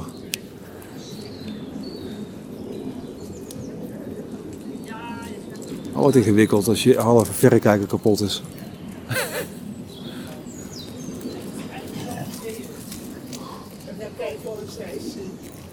Wat zien jullie? Een Ja. havik. Oh, is de havik? Het mannetje. Oh, hij. Mannetje of het vrouwtje?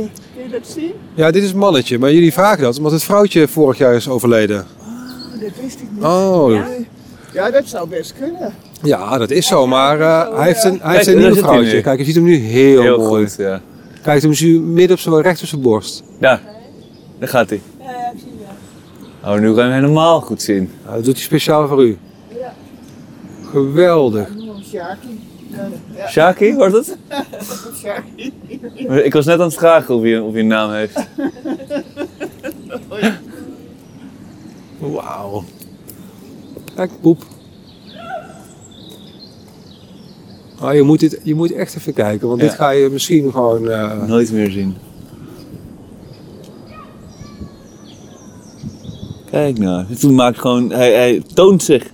Ja, het is echt bizar. Die havikken hier, ze zijn zo schuchter. Heel Wauw, vaak- heel het is echt geweldig zo. Ik heb nog nooit. Ja, die, dat voor hoofd van het Ja. beest. Het is echt majestueus, zo zie je. Die handpennen. Hij is wel eleganter dan een T-Rex hoor. ja, is het.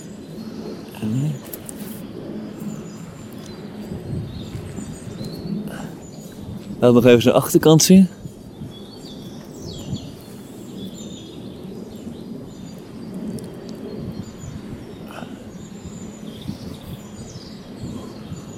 Hij is gewoon aan het spelen hier.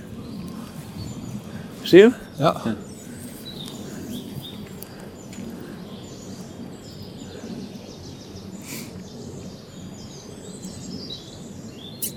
Waar heeft hij die prooi gelaten, joh? Ja, die heeft hij gewoon daar in die vorige Ja. eerste boom gelaten, denk ik. Of is dat niet iets wat haviken doen?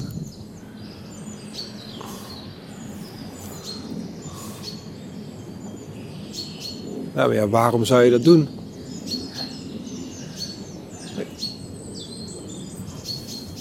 Wat is hij eigenlijk? Het is niet, eh, hij is niet aan het zoeken naar een prooi, toch? Geen idee.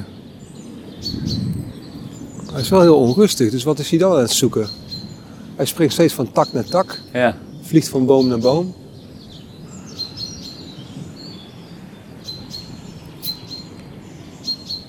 Kijk, dat is alarm hè, van die merel. Die is Oh, dus ja. nu wel echt even alarm aan het slaan. Die zit er ongeveer naast volgens mij. Ja, waar zit hij dan? In de buurt.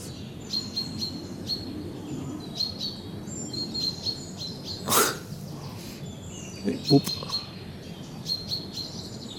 Ja, dit is echt eh alarmfase Oh, sorry. 3. Zit hij daar? Waar komt het geluid vandaan? Je zou zeggen, je kan ook wegvliegen. Ja, zou ik ook. Oh kijk, zitten vlak bij elkaar. Zie je dat? Ze zitten twee meter van elkaar vandaan. Moet je kijken.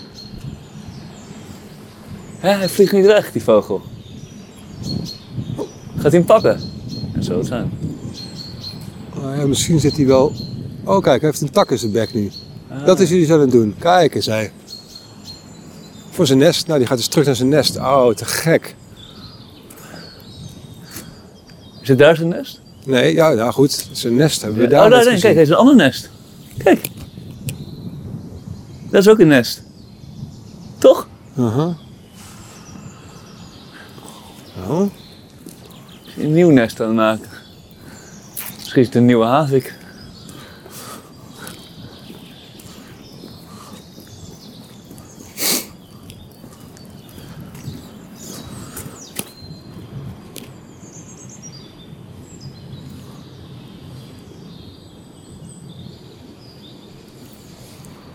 Kreeg al een melding van iemand anders die hem eh, had zien nest bouwen. Zag je hem daar Oh, landen? daar gaat hij. Ja, hij kwam echt van het nest af, hè? Ja, zeker. Is hij achter die... Oh, daar. Oh ja, prachtig. Precies tussen die takken door. Ja. Oh, leuk hè?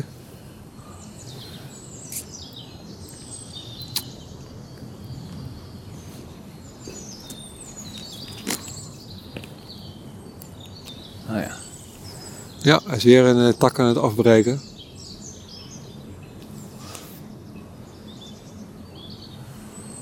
Maar blijft dan obscuur wat hij met die prooi gedaan heeft. Maar kende jij dit nest? Nee. Is hij misschien toch overgestapt?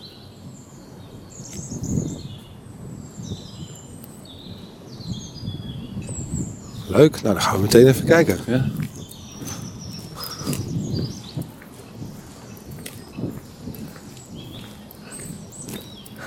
Ja, Ja. kijk. Oh, heel mooi. Nou, spectaculair. Oh, wat leuk. Ja, het is nog maar heel pril. Dit, ziet er, dit is net... eh, Want zo'n haviknest, dat wordt wel eh, zo groot. Meter. Ja. Daar kun je zelf in gaan zitten. Dit is nog meer eh, formaatje... Babykamer. maar. Ja, kraaitje. Oh, leuk hè. Mooie plek. Zie je hem er hij boven gevonden. uitkomen nu? Nee, nee. Ik denk het wel hè. Zijn hoofd lijkt daar. Ja. Ja, en dan gaat hij weer. Oef.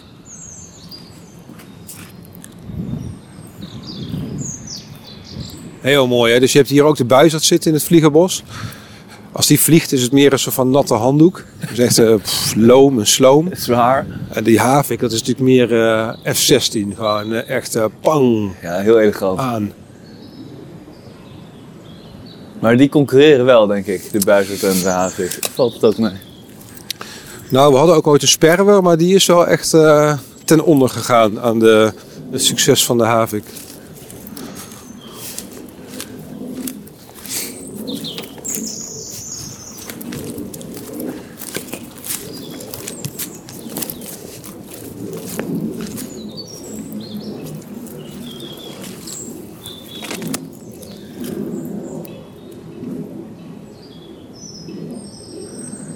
Fantastisch. Weer zo'n totaal onbereikbare plek. Dat doet hij dus wel goed. Hij is dus enorm aan mensen gewend. Maar je hebt ook haviknesten in Amsterdam die zitten op eh 6 meter. Ja. Zet je keukentrapje tegenaan en dan eh, ben je binnen.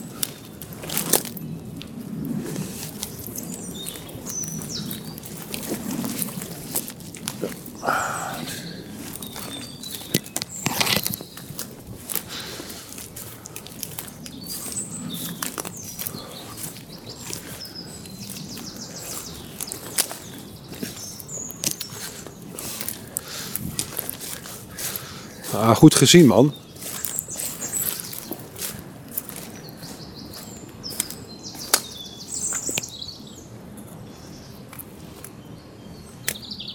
Kijk, je Oh, moet daar zijn, zit eh, hij.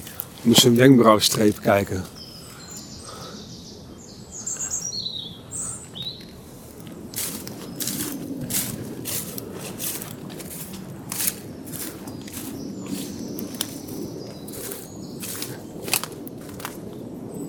Is een beetje krakkemikkig. eh Nou, ja, niet- ja, maar hier, er komen wel fladder naar beneden Oh ja.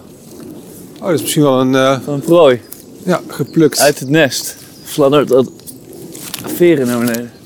Ja. Mooi. Ja, ze gebruiken hun nest ook soms wel als plukplatform. Dus dit zou...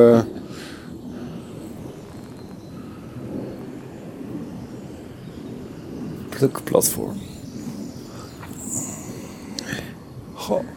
Wat leuk. Nou, goed gezien. Leuk. Weet je, je steekt me nog aan, joh.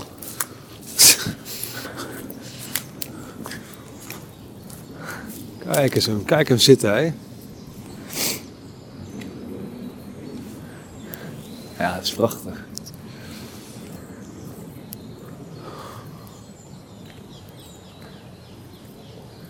Nou ja, dat is dus wel, dan kom je weer terug op dat verwantschap. Je bent allemaal bewoner van Amsterdam. Ehm, het zijn neven en nichten. En deze boom waar we voor staan misschien ook.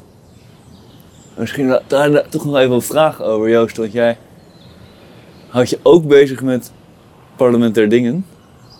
Ja. En de ambassade van de Noordzee. Ja. Dat gaat daar ook over. Ja. Indirect Ja. of misschien wel vrij direct misschien. Ja, de ambassade gaat over hoe geef je een politieke stem aan de Noordzee. Als, gro- als eh, grootste publieke ruimte van Nederland. Hè, dus we zeggen de Noordzee is van zichzelf. Ja. Het parlement van de Dingen is natuurlijk geïnspireerd door Bruno Latour. Hè, die zegt die onder, dat onderscheid tussen cultuur en natuur is niet alleen fictief, het is gewoon schadelijk. Ehm, alles wat alles raakt, daar moet alles over mee besluiten. Dus we moeten toe naar parlementen van de dingen waarin ook eh, deze iep of die S of die havik ehm, meepraat. Ja. Eh, ze kunnen ons niet meer veroorloven om in een soort van moreel vacuüm te zitten waarin alleen eh, ja, de mens die beslissingen maakt. Ja, hoe je dat dan moet doen, dat weet ik ook niet. Nee. Ja, je, hebt natuurlijk een hele, je kunt het heel spiritueel aanpakken en proberen om in gesprek te gaan met al die andere levensvormen. Je kunt het heel zakelijk of juridisch aanpakken. Er zijn natuurlijk steeds meer voorbeelden nu waarin riviersystemen of ecosystemen eh, eh, eh, juridische status krijgen. Die rivier in Nieuw-Zeeland, de Whanganui, is een rechtspersoon geworden. En die heeft, er zijn een aantal ja, custodians, voogden toegewezen, die de, ja, de rechten van die rivier ehm, in de gaten houden. Eh, ja, ik, ik weet niet wat voor mij nou precies de ehm, beste variant is. Eh, Maar ja. iets spreekt je aan. Ja, ik vind het echt zo'n eh, idee van rijkdom. Dat je dus ehm, zoveel deelt. Ik vind het heel leuk. Dus die havik die volg ik nu al jaren. Ja. Ja. Ehm, ja, ja, ik word er helemaal, helemaal warm van. Dus dat hij nu weer terug is. Of hij is niet terug, want hij heeft hier gewoon gezeten. Maar dat hij, dat hij terug is. Dat hij hier weer een nestlocatie heeft. Dat hij weer een vrouwtje heeft gevonden. Dat ze dus over een ehm, eh, zes weken hier weer jongen gaan hebben. Vier had hij er vorig jaar. Ja, voor mij, zeg maar, dat idee. Dat, dat het allemaal Amsterdammers zijn. Ja.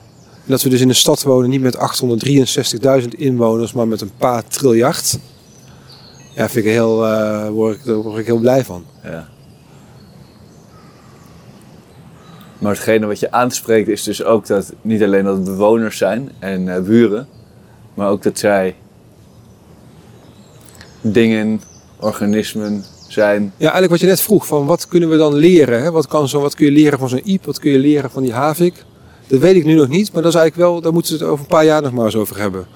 Want voor mij ligt daar wel de volgende stap. Ja.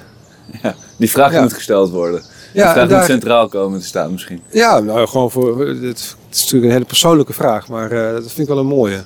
Dus ik, ik, ik weet, of je weet, dat er een soort van ehm verbindenis is. Anders waren we hier nu niet. Nee. En dat kun je maar gewoon, dat hoef je niet eens te, te- precies onder woorden te kunnen brengen of te benoemen. Dat kun je gewoon eh, ervaren en dan maar gewoon eh, aannemen. Ja. Maar ik vind die andere vraag vind ik wel interessant voor de komende tijd. Dus je leest nu boeken om dingen te leren, maar wat kan zo'n. eh, wat kan dit kleine struikje mij eigenlijk leren? Of dit fluitenkruid? Ehm zullen we doorlopen? ja. We gaan het vaarwel zeggen tegen de havik. Het is wel ergens jammer om een toeziend oog te verlaten. Hij zit zich lekker te poetsen. Ja.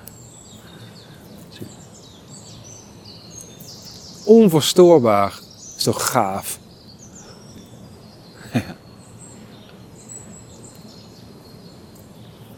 Dus mensen uit het oosten of het centrum van gewoon eh, de Utrechtse Heuvelrug en zo, overal zitten haviken.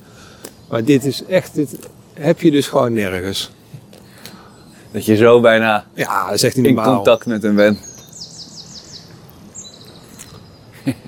He don't care. He don't care. Dat vind ik zo fascinerend. Hè? Hoe begint een vogel met het bouwen van zijn nest? Met, met een snavel. Hoe leg je die eerste tak? Huh? Ja.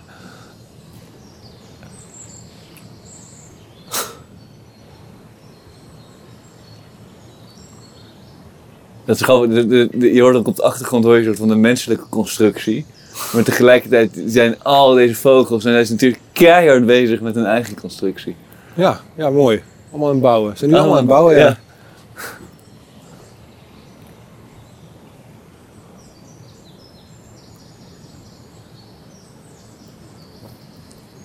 Ah, top. Die hebben we maar mooi eventjes Ja. gezien. De ijsvogel nog. Welke moeten we nou nog? Oh, de, de schildpad. Nou ja, in ieder Ja, geval. ik weet niet of die al, eh, die zitten denk ik, eh, die zullen wel eens eh, gewoon winterslaap doen hè? denk het, ja. De, de iep hebben we. Ja. De havik. Ehm ben ik nu al vergeten? Dan heb je nog de schildpad en de... ja, die bosuil, daar moet je een keer, Oh, andere die keer heb voor je zelf terugkomen. Die heb je zelf niet.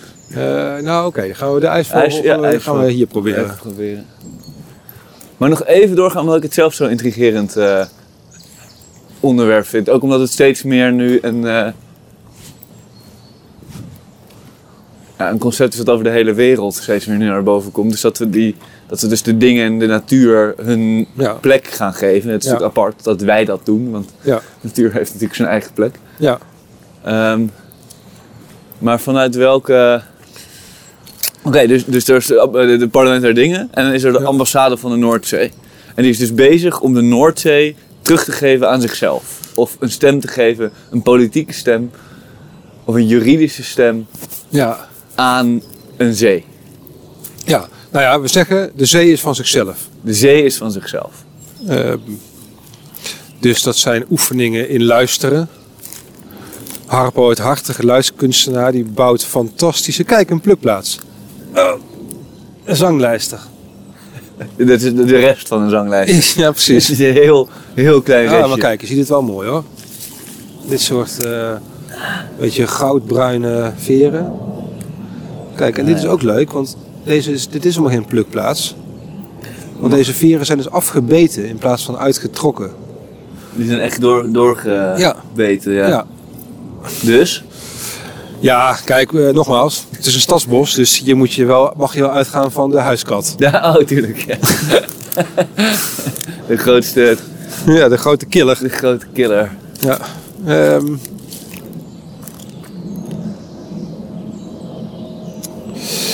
Ja, ja, de ambassade, dat verhaal. Maar dat- dat- ik, eigenlijk zijn andere mensen beter in staat om dat verhaal echt goed te vertellen. Maar vertel me dan alleen even misschien erover wat ik interessant vind. Jij bent er wel iets, spreek je dus daar aan. Mensen vertelden daar al iets over. Ja. Eh, misschien vind ik dat dan nog wel. Hoe, hoe zie je, zeg maar. Er, er, er spreekt dus iets tot de verbeelding waarin het gaat. En ik weet toevallig dat je ook met een ander project bezig bent. waarin je probeert ja. iets aan zichzelf terug te geven. ja. Waarin je dus. Kijk, als ik naar je luister, dan is, is, is iemand die. Nou ja, terwijl jij naar me luistert, luister je vooral ook naar vogels. Mm. Dus je bent heel erg opgenomen in de natuur. En tegelijkertijd ben je een hypercultureel mens. Ja. Je houdt je bezig met 4 en 5 mei comité, je houdt je met, met mensen, heel erg met mensen. Ja, ja, ja. En het samenleven. En je zei de spreeuw is, is iets waar ik me heel erg toe verhoud. En die spreeuw, dat is geen solitaire vogel. Nee, nauwelijks. Dus eh, dat zijn wel twee werelden die jij in jou eh, combineert. Ja. Ehm, nee, dus met de ambassade van de Noordzee proberen we een stem te geven, een politieke stem eh, aan de Noordzee. Ehm, met de aankoop van de groeven eh, Spouwbeek proberen we dus een stuk land, een heel erg geschonden stukje land, eh, terug aan zichzelf te geven. Ja, dat zijn voor mij eigenlijk allemaal pogingen ja, om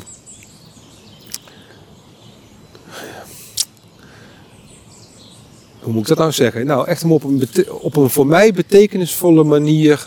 ehm, vogelen is natuurlijk heel erg toeschouwen. Dus een kijkje naar vogels, je probeert je een beetje, het is ook een beetje empathisch, je probeert je af te vragen wat gebeurt hier allemaal. Ja. Maar ehm, ja, het klinkt meteen zo week, maar eh, het zijn die ambassade en die uh, groeve Spouwbeek zijn denk ik pogingen om weer verbondenheid te voelen.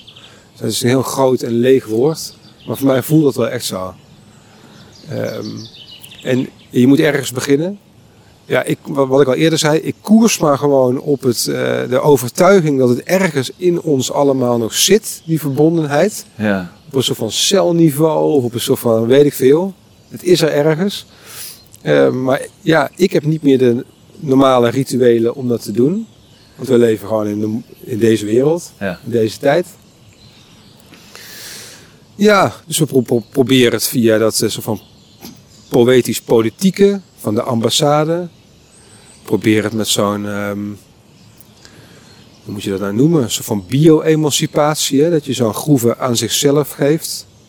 Dat is ook weer een hele technische route. Maar ja, Het wordt technisch, maar het komt voort uit ja, iets ja, ja, poëtisch. Het, het is natuurlijk poëtisch technisch, want het is ook een beetje ridicuul en eh, ja, eh, raar. Ja. Maar voor mij komen er dan wel gewoon de moderne tijd. Dat is een tijd van kadaster, van eh, rechtspraak, van eigenaarschap, van ehm, ja, regels. Ja. Die komt daar wel samen met die eh, diepere cultuur van ontzag of verbondenheid met eh, de rest van het leven. Ja. Ja, die in de mix levert misschien wel iets op wat, Ja. Ja. wat dan betekenisvol is. Ja. Ah, voor mij wel. In ieder geval weer heel veel nieuwe vragen. Ja. ja. Ja. Nou ja, en dat zijn ook wel vragen. Ik bedoel, dat is misschien ook wat interessanter wat, je, wat ik interessant vind. Is dat zijn dus vragen die je nog niet wist die je kon stellen. Dus Ja. dit, zijn.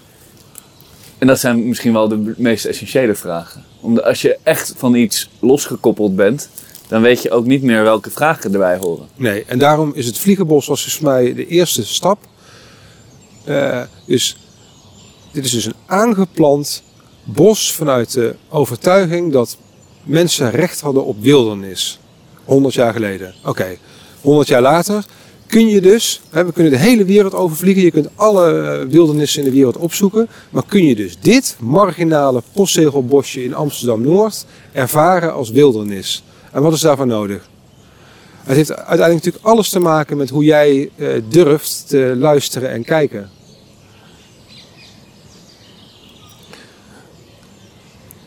Kijk, voor mij is de volgende stap, dus als het lukt om hier de wildernis en de, eh, de grote natuur eh, in te gaan zien, dan wordt natuurlijk de volgende stap wordt, eh, het proberen te zien de wildernis en natuur tussen twee stoeptegels.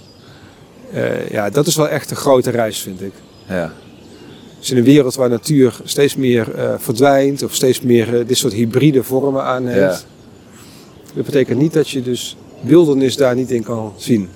Maar het kan ook een uitnodiging zijn om die natuur in de stad meer te laten. Zonder dat het misschien eh, ons, eh, de leefomgeving voor ons ingewikkelder maakt. Maar je zou ook, tenminste dat stel ik me nu voor, een hybride vorm van steden die in hun stad heel veel natuur hebben. Ja, fantastisch. Nee, de stad kan natuurlijk veel poreuzer zijn. Dus er gaat heel veel gebouwd worden. Maar dat betekent niet dat je alleen. Je, je hoeft niet alleen te bouwen voor mensen. Je kunt ook bouwen voor mensen, planten en dieren. Zo'n stad is een aangelegd natuurgebied. Ja. Er zijn heel veel soorten die niet op de Veluwe gedijen, maar juist in de stad. Ja, De soortenrijkdom is hier misschien wel groter. ja. Juist omdat je hier al die rare niches hebt. Ja, dus die verbondenheid waar je het over hebt, die zou je eigenlijk, me- dat, dat gevoel daarvan zou je eigenlijk in de stad kunnen brengen. Door veel meer bewust te worden en Ja, ook wel misschien iets meer zeker. te planten.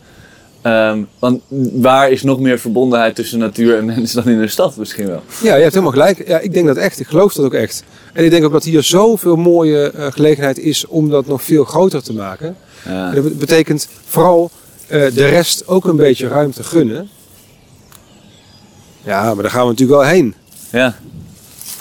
Mooi. Wat gebeurt hier allemaal? Heel veel meisjes. Ik moet zeggen, ik heb wel het gevoel dat er een enorm veel grotere hoeveelheid en verscheidenheid aan geluid is sinds we van de Havik vertrokken zijn.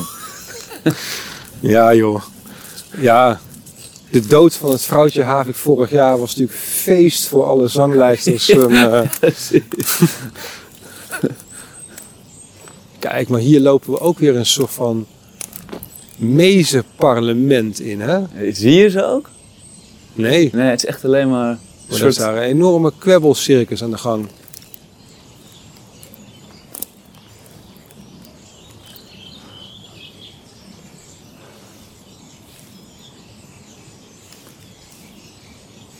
Goh. Ik ken spreeuwen.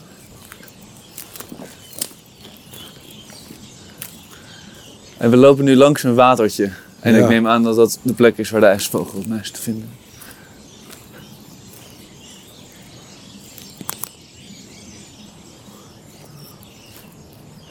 Heb je zo'n havik wel eens een beest zien vangen? En een andere vogel? Nee, wel vaker met prooien gezien, maar ik heb nooit... eh, Kijk, hier weer een plukplaats. Tje. Of weer een katplaats? Nou, deze zijn wel geplukt. Dus duif.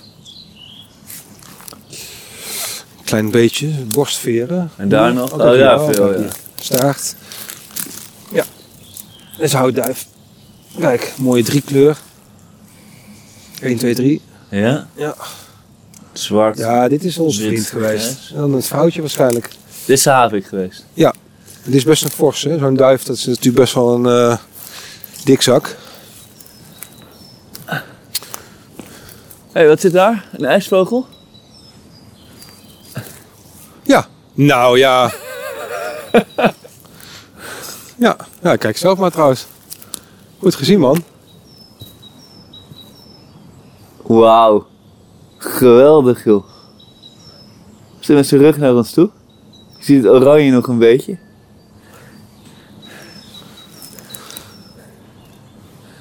Ja, heel mooi mannetje. Kijk. Hij heeft helemaal een zwarte snavel.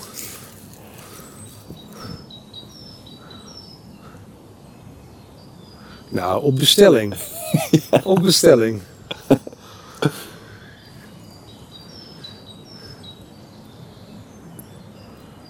Drie van de vijf in anderhalf uur. Nou, dit ook, hè. Dit is toch ook weer zo'n soort. Dat nou. geloof je toch gewoon niet? Nee, het is geweldig. Ik vind het zo mooi. Hij heeft ook wel een mooie plek uitgekozen. Ik geloof het bijna niet. Echt midden op een... Ja, een beetje, een beetje natuurfotograaf. Die was hier helemaal uit zijn plaat gegaan. Ah, daar gaat hij. Oh, echt? Ja. Oh ja. Oh ja, daar. Ja, ook weer zo grappig, hè. Dus ook weer op, toch In de op, op, op drie meter van een asfaltpad. ja. Wauw, kom, we gaan erachteraan. ja.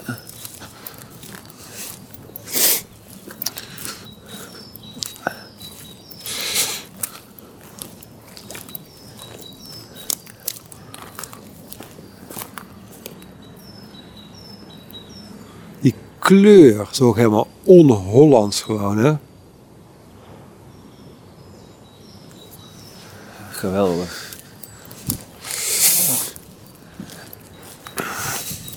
Ja, kijk, dit is natuurlijk ook weer zo'n soort. Hè. Je hebt dus in Amsterdam heb je een hele ijsvogelwerkgroep. Daar word ik dus ook helemaal weer helemaal, daar word ik helemaal zacht van daar. Van zo, dat soort ideeën. Hè. Dat dan zo'n hele groep mensen Ja. zich het hele jaar door inzetten voor een ongeveer even grote groep vogels. Ja, evenveel Kijk mensen nou. als die vogels bedoel je. Ja. Kijk nou. Ah ja. Dit zou wel een mooi kiekje kunnen zijn.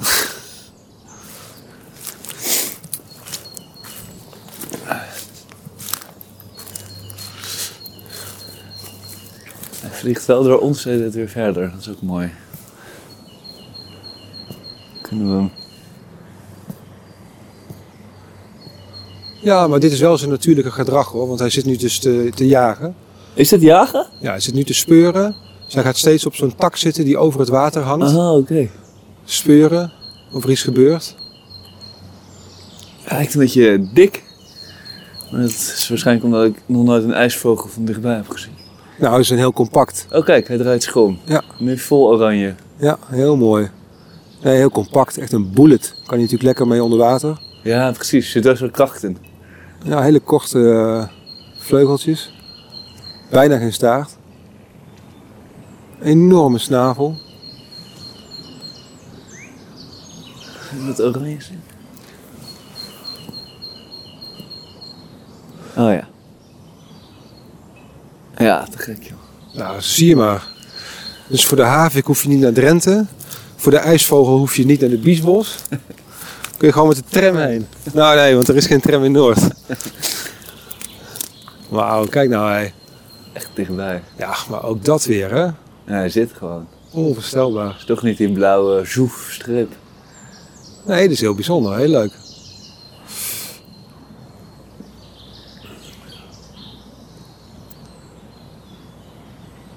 Kan wel gewoon blijven kijken. Het is echt zonde om dan door te lopen. Maar misschien moeten we maar weer.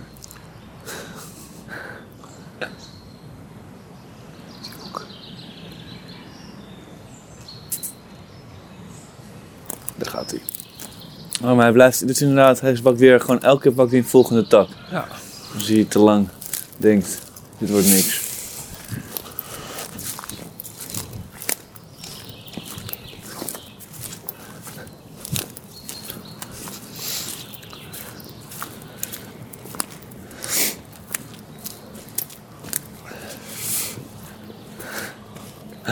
En dan zijn we weer op het asfalt. Asfalt.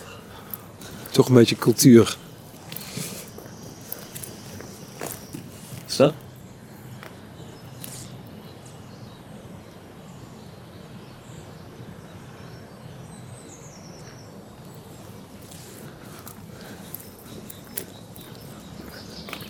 Kijk, we zitten nog steeds. Dat was weer de buis wat hij daar hoorde. Zie je hem, de havik? Ja, daar. Oh ja. Bijna in één beeld eh, mannetje havik met mannetje ijsvogel. dit is wel, wat dat betreft is dit een mooie wildernistocht. dit is echt safari, safari in Noord. Ja.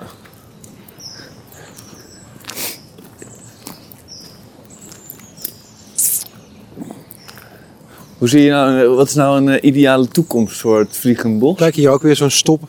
Uitgelopen stobben uit de hongerwinter. Eh,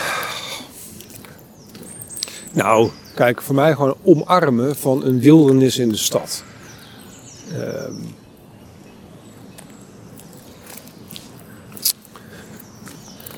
dus ik hoop heel erg dat het blijft bestaan. Het bestaat al 100 jaar, alsjeblieft nog 100 jaar. Ehm, laat het gewoon een bos blijven. Dat zegt ook iedereen die hier komt en die hier omheen woont. Laat het bos het bos.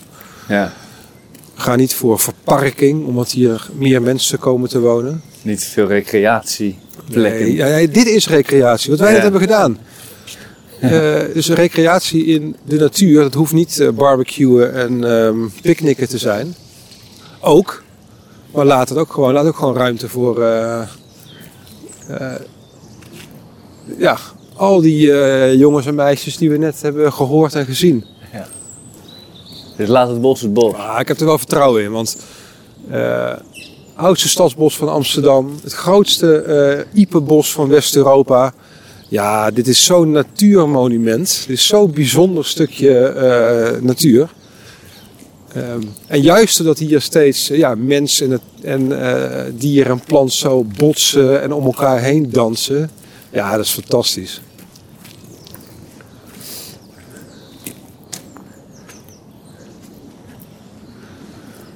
Nou, leuk.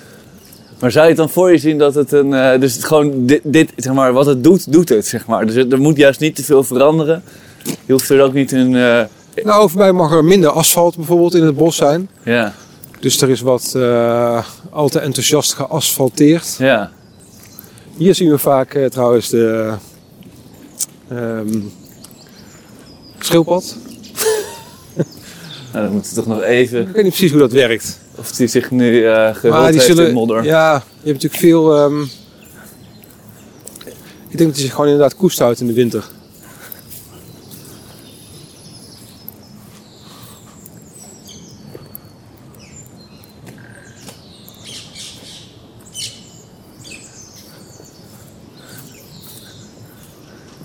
Nou, misschien moeten we de halsbandparkiet ook maar bij de Big Five eh, rekenen. Ook dat- wel- zo werkt dat Ja. kan niet. Hè? Dan moet er één uit. Anders, of het Ja. wordt de Big Six. Ja, ja. ja. Ah, die zie ja. Dat is natuurlijk wel exotisch. Maar inmiddels, Nou, en hoort natuurlijk in Nederland wel echt in ehm, stadsbossen thuis. ja. Oh, kijk eens joh, met z'n allen daar. Ja. Ja. Alsof je een stel eh, blauwe ara's op een kleiwand in eh, Peru ziet zitten. De polder Ara. Ja, ja heel mooi. Ja, het is inderdaad, het is een, een activiteit van je wels eh, boven ons. Ja. Vink en de grote mond specht daar weer. Je vertelde dat je, je, je zei over, over jouw functie. zei eh, het is een beetje een pluk eh, en pettenflat eh functie. Ik neem hem wel heel serieus hoor. Net zoals dat het in, bij Pluk serieus was. Dus ehm ehm, er zijn veel mensen die zich inzetten voor ja, het beschermen van dit stukje bos. Ja. Ja, want wat mij namelijk daar, waarom ik daarop eh op terugkom, is dat ik, als ik jou hoorde over eh, de heer eh, vliegen, Ja, eh, dan, dan lijkt het ook bijna zo alsof jij een soort een traditie voortzet. Dus jij, jij, jij treedt ook een soort van. Voel je je verbonden met hem?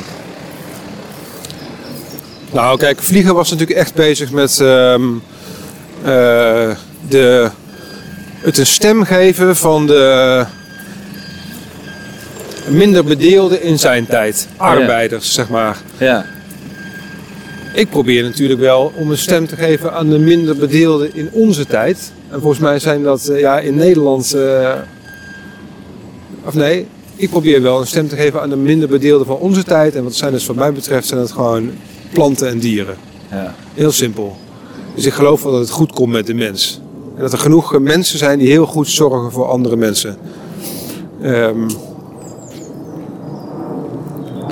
ja, ik vind het wel mooi dat we met eh, Stichting Vliegenbos gewoon spreken namens deze eindeloze verzameling bomen, planten, dieren, vogels en eh, al het andere wat hier, eh, voor wie dit de stad is. Voor alle neven en nichten. Ja, precies. We zijn nu bij de poort, In de mensenwereld. de mensenwereld. Ehm Dank je wel voor deze safari. Deze rondleiding in het, in het Vliegenbos. En voordat we echt weer de mensenwereld ingaan, toch nog even de laatste. Als we nu stil worden.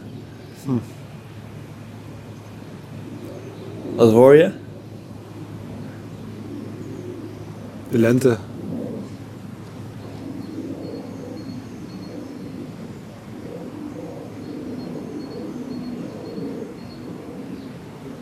En de koolmeis, hè? Tiete kont, tiete kont, tiete kont.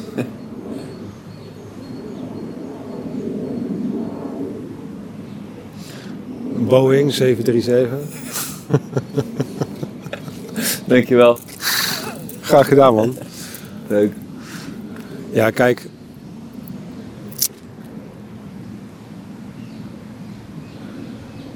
Kijk, in een tijd van ineenstorting van soorten in de wereld, biodiversiteitscollaps, al die grote verhalen over Ja. de planeet, Ja. is het natuurlijk echt fantastisch dat je gewoon midden in een hoofdstad, in Amsterdam, zo'n eh, prachtig stukje wildernis hebt. En dat blijft gewoon zo bijzonder. Zo'n drukte aan leven hier. Eh, nou ja, dus ik hoop dat we echt dat we blijven koesteren en dat je dat ook echt als iets heel bijzonders blijft zien. Dus die pioniers die dit 100 jaar geleden hebben bedacht, ja, die moeten we gewoon echt op een, eh, die moeten we echt eren. En gewoon zo'n radicale visie dat hier ook, dat er ook in een stad ruimte ehm, eh, is voor eh, planten en dieren. Gewoon een radicaal idee. Waar gewoon eh, juist in deze tijd gewoon echt eh, heel veel eh, behoefte aan is. Iedereen is welkom. Ja, in dit bos wel. Goed. Je luisterde naar Terug naar de Natuur, de podcast van Club Groeneveld en Sublime. Met dank aan Joost Janmaat, Rick Waldman, Martien Groenendijk en Marcel Tjepkema. Wil je meer weten? Ga naar www.clubgroeneveld.nl. Ook als je wilt deelnemen aan onze programma's en collegereeks.